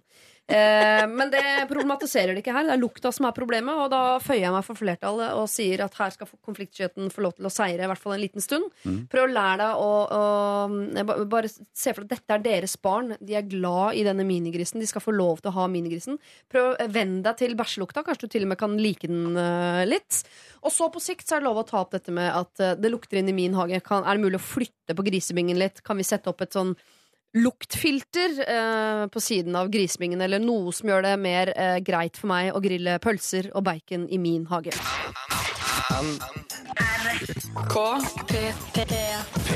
P3. Eh, artist Stian Staysman. Ja, nå er jeg spent. Eh, Staysman. Jeg har faktisk laga den versjonen en gang. Komiker Trine Lise Olsen, følg med der.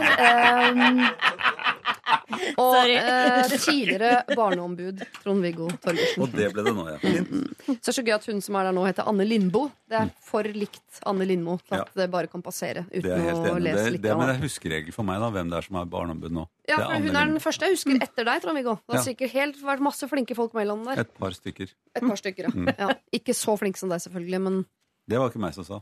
Nei, nei det var Nei, meg. det Ja, var det var Ja. Eh, dere, vi eh, skal eh, inn i den vanskelige særlighetsverdenen eh, igjen. Eh, for eh, Heidi eh, er i utgangspunktet i eh, lykkelige omstendigheter. Eh, hun skriver Hei, jeg er en jente på 26 år som har en kjæreste og jeg er, som jeg er veldig glad i. Vi har vært sammen i ni måneder, og vi har det veldig fint. Ikke heng dere opp i ni måneder, det kommer ikke til å handle om barn. ok? Det er greit. Eh, Da vi ble kjent, eh, møtte han mine venner, og jeg møtte hans. Alle går veldig fint sammen, og vi har blitt en gjeng. Men da jeg først møtte vennen hans, fikk jeg et lite sjokk. Hans beste venn var en jeg har gått på skole med i 13 år, og eh, en jeg derfor kjente ganske godt. Vi lo av dette, og jeg tenkte det var hyggelig å møte han igjen. Allikevel var det litt rart å se han igjen, siden jeg hadde vært forelsket i han i alle de årene jeg gikk på skole sammen med han. Det var ordentlig kjærlighet som ikke var gjensidig. Jeg snakket aldri med han om dette, så det var ikke pinlig mellom oss, men etter noen uker eh, så var vi en del sammen, og jeg følte at noen av de gamle følelsene mine kom tilbake. Jeg tenkte det var fordi han minte meg om gode gamle dager, og at følelsene ikke ville vare. Eh, men de ble bare sterkere og sterkere. Nå prøver jeg å unngå han, og jeg syns det er veldig pinlig å være sammen med han, selv om det er vanskelig å unngå, siden kjæresten min og han er veldig mye sammen. Han er forlovet med en annen veldig hyggelig jente, og for et par måneder siden fikk vi vite at de venter barn. Hva skal jeg gjøre? Skal jeg fortelle dette til kjæresten min, eller skal jeg bare late som ingenting? Hilsen Heidi. Mm. Hva er det verste som kan skje her, eh, Stian? Altså, jeg føler jo at han, eller hun, skal eh, late som ingenting. Og håpe at det går over? Ja, men, nei, men altså, hun har aldri fått uh, Altså, den følelsen har hun altså, Hun har vært forelska han i en årrekke, Mm. og det har aldri vært uh, gjensidig. Nei.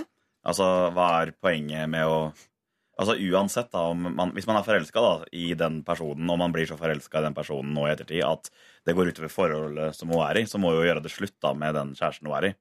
Men jeg tror ikke det er noe å snakke om det med, det tror jeg bare skaper masse kaos. Kan jo ikke Kanskje si noe. Nei, det er Du mener. kan jo ikke si noe. Nei. Det går jo ikke an. Er hun forelska i kjæresten? Det det, det er jo. Det vil jo jeg vite, først og fremst, liksom. Det står ikke her, Nei. men det betyr jo at ikke det er sånn. Hun s- sier at hun er veldig glad i han. At de har det veldig fint sammen. Mm.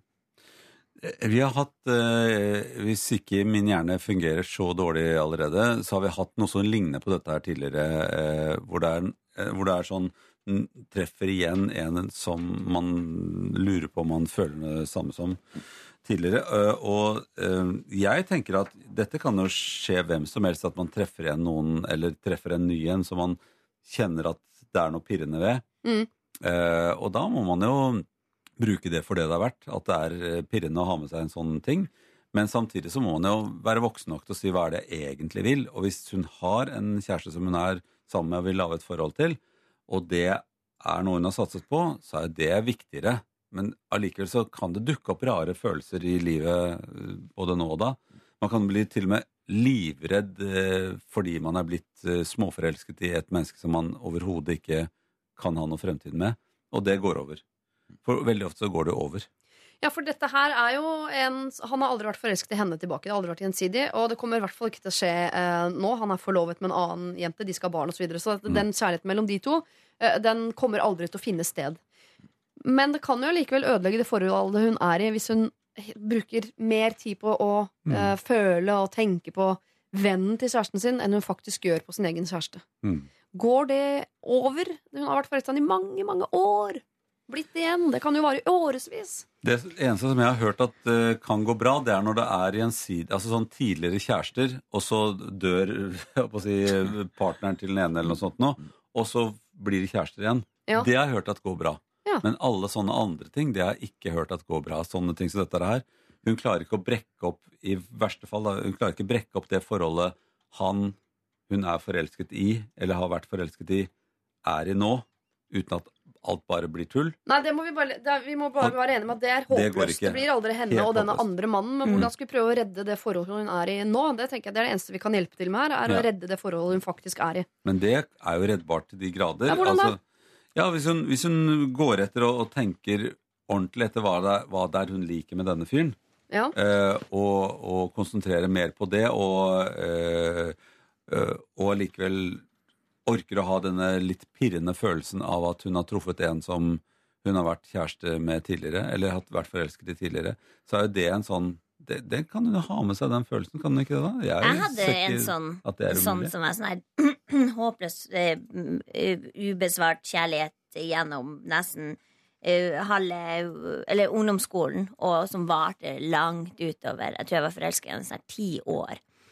Og han møter jeg titt og ofte nå, og da kan jeg liksom kjenne litt på den følelsen. Men jeg klarer å se han nå med nye øyne, liksom at vi hadde jo aldri passa i lag Ja. nå som voksne. Men jeg kan kjenne igjen den der liksom Jeg husker liksom Ja, når han smiler, så ser jeg liksom Å, nå ja, kjenner jeg igjen den der greia.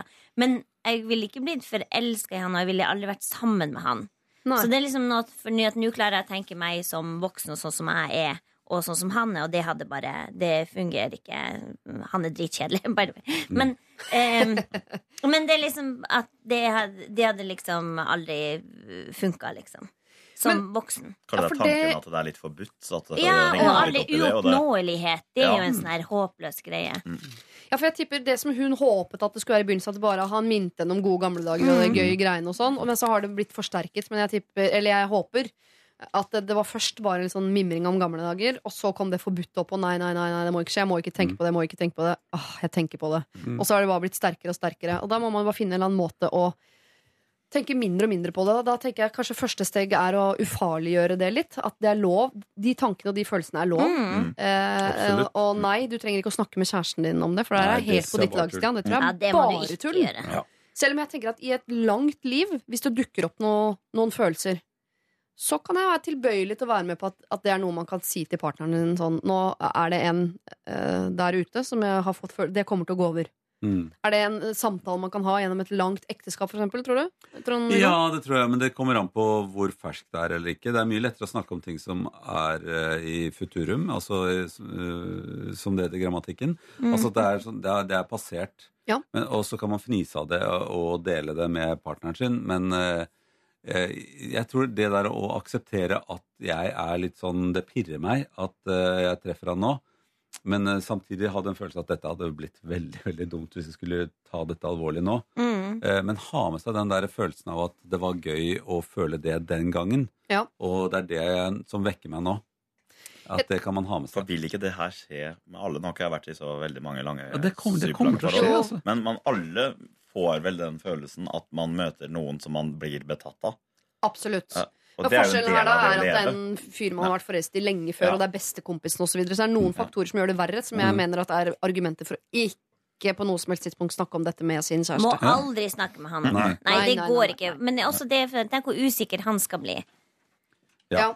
Og det vil jo kanskje ødelegge vennskapet med han her fyren. Kjærlighet og vennskap og alt blir ødelagt Ja. hvis man snakker om dette her. Ja. Tror jeg. Det er ikke alltid at samtale er veien å gå. Veldig ofte, men ikke alltid. Men jeg vil bare eh, En siste greie som er Hvis denne gutten viser seg å være eh, eh, virkelig liksom mannen i ditt liv jeg har hatt, eh, Dette har jeg snakket om før, men jeg har hatt eh, i mange år eh, opp igjennom Så har jeg hatt en liste på fire gutter som jeg ikke klarer å få ut av hodet. Og på Mhm. toppen der, helt oppe på toppen på førsteplass, så sto da eh, min kjære lokfører. Han sto alltid på førsteplass. Jeg visste at hvis jeg surra med en av de tre andre på lista, eller drev og, og grumsa nedi der eh, Hvis lokføreren står på døra og ringer på og sier eh, hei, eh, skal vi bli kjærester, så hadde jeg pakket kofferten og, og dumpet de andre og, og blitt med. Eh, eh, sånn har det alltid vært. Og det er, er jo dumt. Det er jo han man skal være sammen med. Han som man pakker kofferten for og ofrer alt annet for å bli med hele veien ut. Så hvis det ikke er han du er sammen med nå Ja, så Men da, fortalte du noen gang til lokføreren hvem de tre andre var? Mm, Ja, det kan jeg fort vekk ha gjort. Det er ikke folk han kjenner. men, han har alltid men, vært men, den suverene vinneren, så han ville vel bare kunne kose seg med Ja, det. på en måte You guys down there.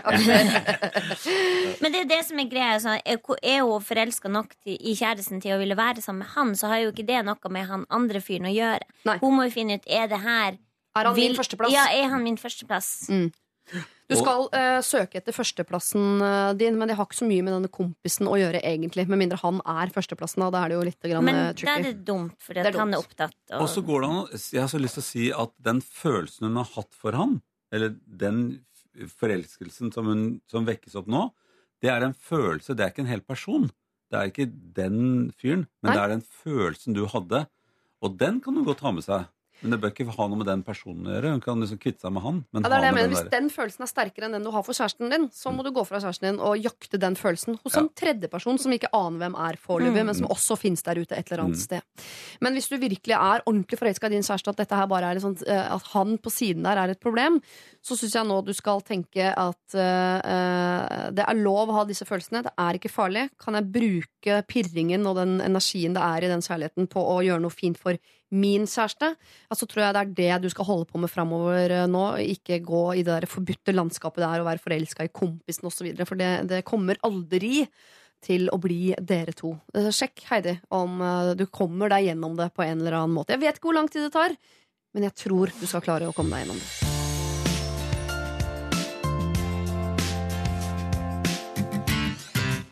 Sandra Lyng eh, med sin Night After Night. Og apropos, vi har jo selvfølgelig, mens vi har hørt på Sandra Lyng her, snakket mye om eh, forelskelse. eh, Forelskelser gjennom våre liv osv. Og, og jeg kan jo fortelle dere at min sønn Jesper på seks år i går Han er forelsket i veldig mange, men blant annet av Sandra Lyng. Så jeg satt og så på Sandra Lyng-videoer ganske mye i går.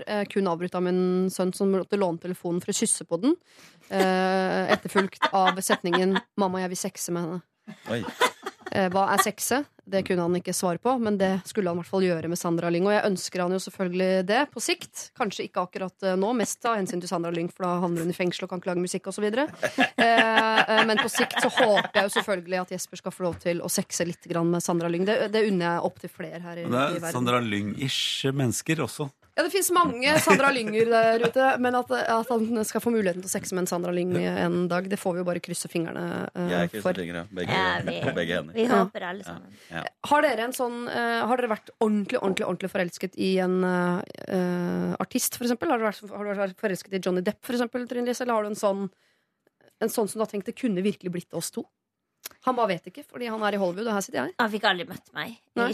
Ja. Så synd for ham. Eh, nei, men jeg, uff, jeg var sånn her, jeg hadde alle. Dagboka mi fra liksom 7.-8. klasse så den spriker sånn, for jeg har så mye guttebilder i. Men det var liksom Rob Love syns jeg var veldig, veldig kjekk. Lite annet Eh. om at han likte jo å ligge med jenter på din alder også. Ja, hadde jeg visst det, hadde bare vært meg, liksom.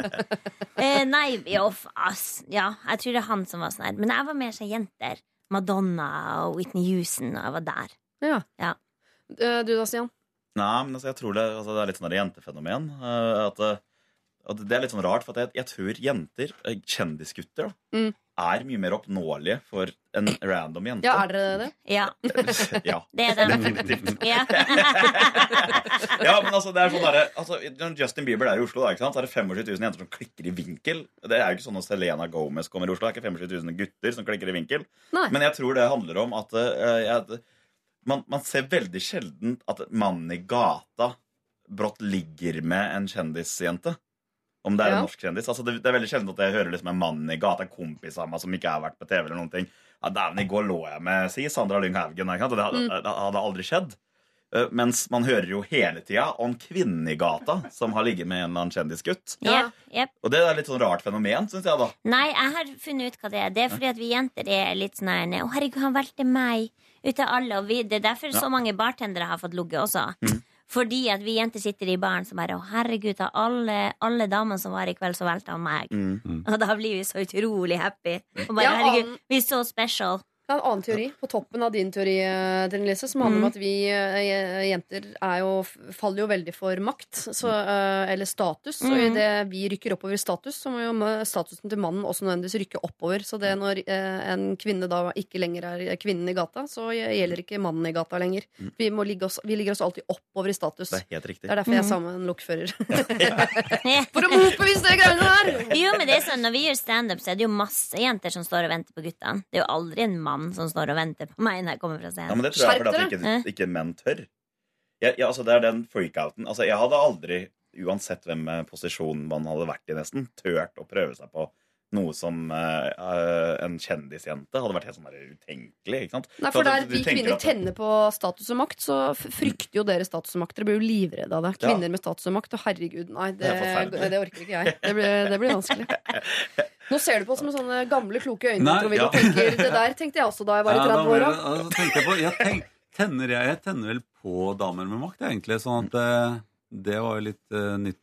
Jo, men det er så sjelden eh, av dere. snakken. Det er så sjelden av dere. Det er, det som Mm. er, det er derfor hun får en lokfører, og jeg forblir Ja. singel. Ja. For det var bare én på vår alder. Du er en sjelden diamant, vet du, tror jeg. Ja, det er vanskelig å sette Ja, seg inn ble det mer og mer sjelden etter hvert. Eh, Ja, men det er jo noe sexy med kvinner med makt. ja, det synes Det jeg. er det. Men det, er liksom, det blir sånn veldig uoppnåelig. Jo, men da vil du på en måte bare straffeknulle de over et sånt eikebord på et kontor et eller annet sted. Ikke sant? Okay. Er det ikke det? Jeg driver ikke med straffing. Ja, bli med meg på den, da. Det er Nei. flaut å stå i den Nei, aleine. det er akkurat den må du stå i alene. Ok, jeg var i rolle. Det var ikke jeg som sa til det. der, altså. Lørdagsmorgen, Ja, ja. yes. Hvis ikke dere vil redde meg, så tyr jeg til Gundula. Dette er Er P3. Det er en gravid fast lytter som har sendt inn til oss. Hei, kjære Lørdagsrådet. Jeg og min kjære venter vårt første barn, og gleder oss selvfølgelig mye til det. Navn er vi noenlunde enige om, men ikke etternavn. Jeg vil gjerne ha mitt. Mitt etternavn er det under 70 stykker i Norge som har, og siden min far var eneste gutt i en søskenflokk bestående av jenter, er det ingen søskenbarn heller som har dette navnet. Min søster har tatt sin manns etternavn, og min bror har ikke barn ennå. Vi er også de eneste her vi bor som heter dette. Min samboers etternavn er det snart 7000 stykker som heter, og det er et ganske vanlig navn. Men det er jo typisk at barnet skal ha barnefars etternavn. Han og kompisene har et la menn være menn-holdning til dette, og uh, man er kjerringstyrt, tøffel og det som verre er, og man ka uh, gir sitt barn etter eh, Altså hvis man gir fars etternavn som mellomnavn til barnet. Hva mener dere? Hurra for ilandsproblemer! Hilsen gravid fast lytter. Ja, fint.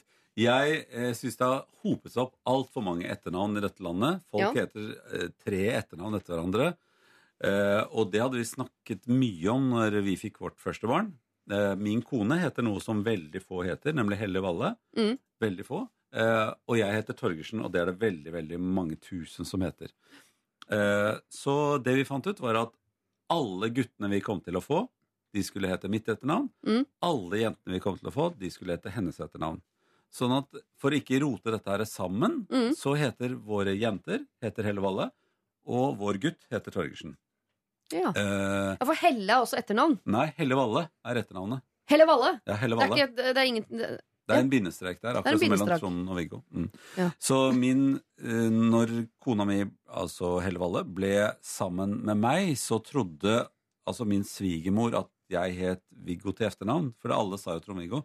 Så hun trodde at hun skulle bli hetende Helle Valle Viggo, ikke sant? Og det var et veldig, veldig rart, gøyalt navn. Ja. Men eh, vi har gjort det sånn, og eh, i vår skjønnsfamilie så har de tatt eh, de har også sånn litt dobbeltnavn, så de har bare tatt ett av hver til hver av barna. så, så det er blitt en ny kombinasjon. da. Jeg, de kan ha mye moro med dette. Ja. Og det derre å kalle det for et sånt derre la menn være menn, det var utrolig barnslig. Ja, det er ganske For bakpå. Ja, altså, Mm. og, og vi, enten så bør man gjøre sånn som man gjorde tradisjonelt, og det gjør ingen lenger.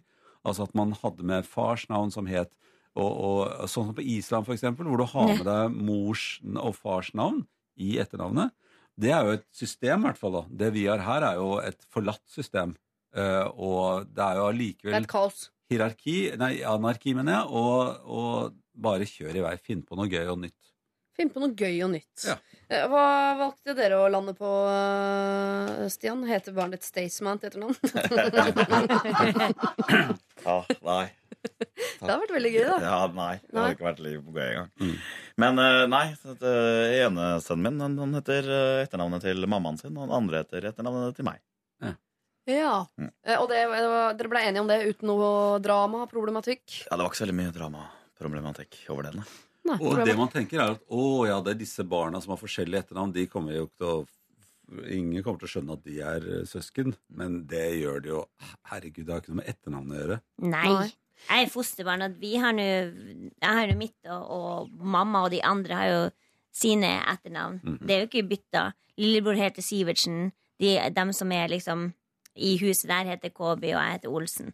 Men jeg ville absolutt tatt det som er Med å vokse opp som Olsen, så ville jeg absolutt tatt det som var færrest av Ja. i Norge. Fordi at å skille deg ut og være annerledes på alle ting som man kan ha et navnet sitt på. Ja, Det anser du som positivt? Ja. Ta vare på det der rare navnet. Ja, ja ta vare på det rare navnet. Ja, nå er det jo mor her som sender inn problemet. Så det er klart at Da er det jo ofte at man tenker at hun har de tyngste argumentene. Jeg har bare lyst til å skissere hennes argument og mannens argument så, sånn jeg kan se det i denne uh, korte lille mailen. Hun har et uh, ganske sjeldent etternavn som veldig få heter, og i tillegg så er det ganske få som ser ut til å ha planer om å bringe det videre. Hans argument for å, å føre sitt uh, etternavn videre er at kompisgjengen mener at menn skal være menn, og for øvrig søper de klærne sine på stayhard.no. Altså, eh, det, det for meg, det argumentet, eh, det kan, det kan ikke brukes til noe som helst. Nei, Og hvis er menn får være menn, da, hvis man- ja, da må du være en mann, og så må du finne ut hva du og kona di vil gjøre sammen. Ikke hva kompisene sine. Da må vi redefinere hva en mann er. En mann, yeah. Da må du tørre å stå for hva du mener. Du må tørre å stå for at du syns uh, kona di har noen uh, saklige eh, argumenter av og til, og ikke være en sånn uh, såkalt mann som piker i russetida og i militæret. Det er ikke en mann i mine øyne, nødvendigvis. Du, her har du eh, 100 oppslutning, eh, kjære gravide faste lytter. Det blir ditt etternavn, og kun ditt etternavn. Hvis han vil ha med sitt. Altså for å bli et eh, mellomnavn. Da. Men jeg syns ikke han skal få det heller, for å være helt eh, ærlig. P3 Dette er Lørdagsrådet på P3. P3. Mens du har hørt Bastille med sin Things We Lost In The Fire, og kanskje også Matoma Astrid sin Running Out, så har vi snakket om fetisjer oss imellom. Og oss er jo da vi som har gitt råd sammen i hele dag siden klokken ni. Stian Staysman, Trond-Viggo Torgersen og Trine Lise Olsen. Jeg syns synd på dem som sitter hjemme, for dere går glipp av mye moro. Ja, når ja, ja. musikken går. Absolutt. Eh, Fetisjprat er aldri å forakte, spesielt ikke på en lørdag eh, morgen. Dere, eh, deres tid som rådgivere er over for denne gang. eh, men dere skal få være litt grann julenisse nå på tampen og gi ut en Lørdagsrådekopp til den eller de, for vi har også hatt par her i dag.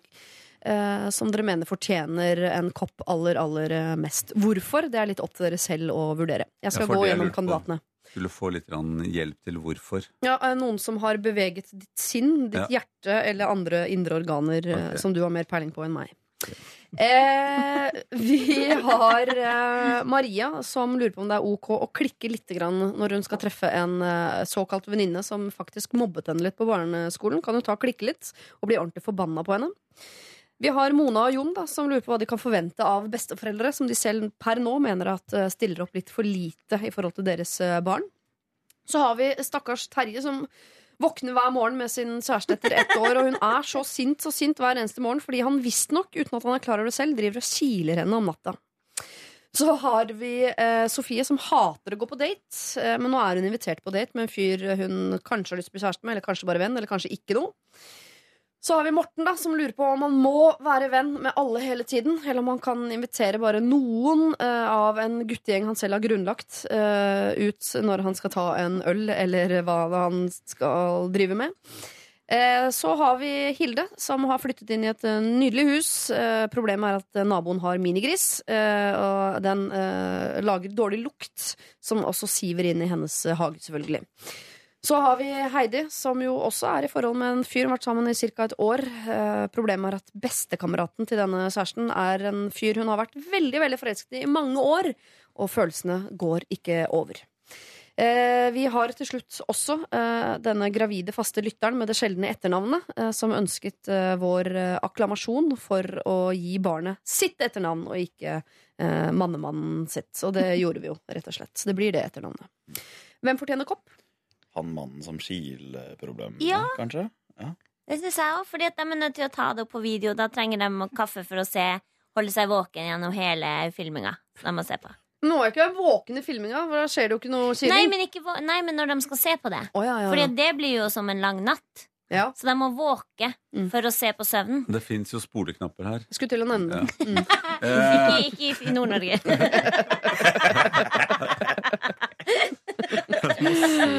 hele filmen. Trenger ikke å gjøre alt, alt på NRK-måten hvor ting skal ses minutt for minutt. Nei, Det er lov å spole og klippe på i det hele tatt. Ja. Men eh, og jeg ja, altså, eh, hun som hadde sånne vanskelige følelser som, eh, For det er liksom et, på en måte så nære et mareritt som det går an det å ha følelser for noen som er i nærheten, når man ikke vet hva man skal gjøre med de følelsene. Du tenker på hun som har minigris som nabo nå, ikke Nei, sant? nei. Heidi og denne vennen Ferdig med det. Ja, ja, ja. Eh, Heidi og denne vennen med vanskelige følelser det, Ja. Du spurte hva, hva beveget deg mest. Ja. Og det tenkte jeg det er jo litt sånn uløselig dilemma uten å Hvis man ikke orker å ha en følelse som man bare aksepterer, men gjør noe annet.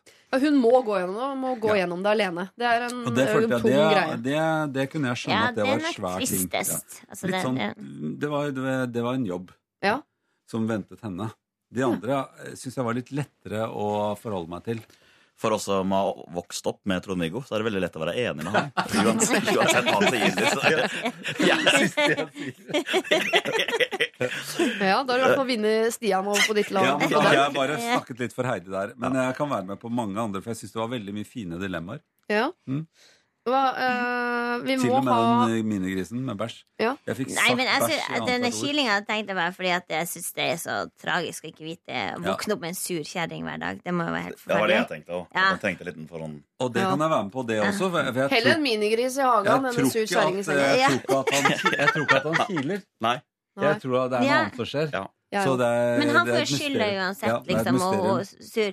Men, men altså den absolutt tristeste, altså den som er Er det tristeste? Er det ikke lov å si? Jo, jo. Nei, hvorfor gjør du sånn? Nei, for at det, den absolutt tristeste, det var Det, det, det mente du var hun med, som hadde mye Ja, å sånn, jobbe med? Ja. Mm. Ja, s- nei, den, din, din, Ja. eh, din kjærlighetsgreie. Eh, Jeg lurer jo på For det er jo hvordan, jeg lurer på hvordan det går med hun som syns hun blir kilt. da Og det, det har jeg lyst til å høre hvordan det går etter at de har forsket på dette. Det gjelder alle Ja.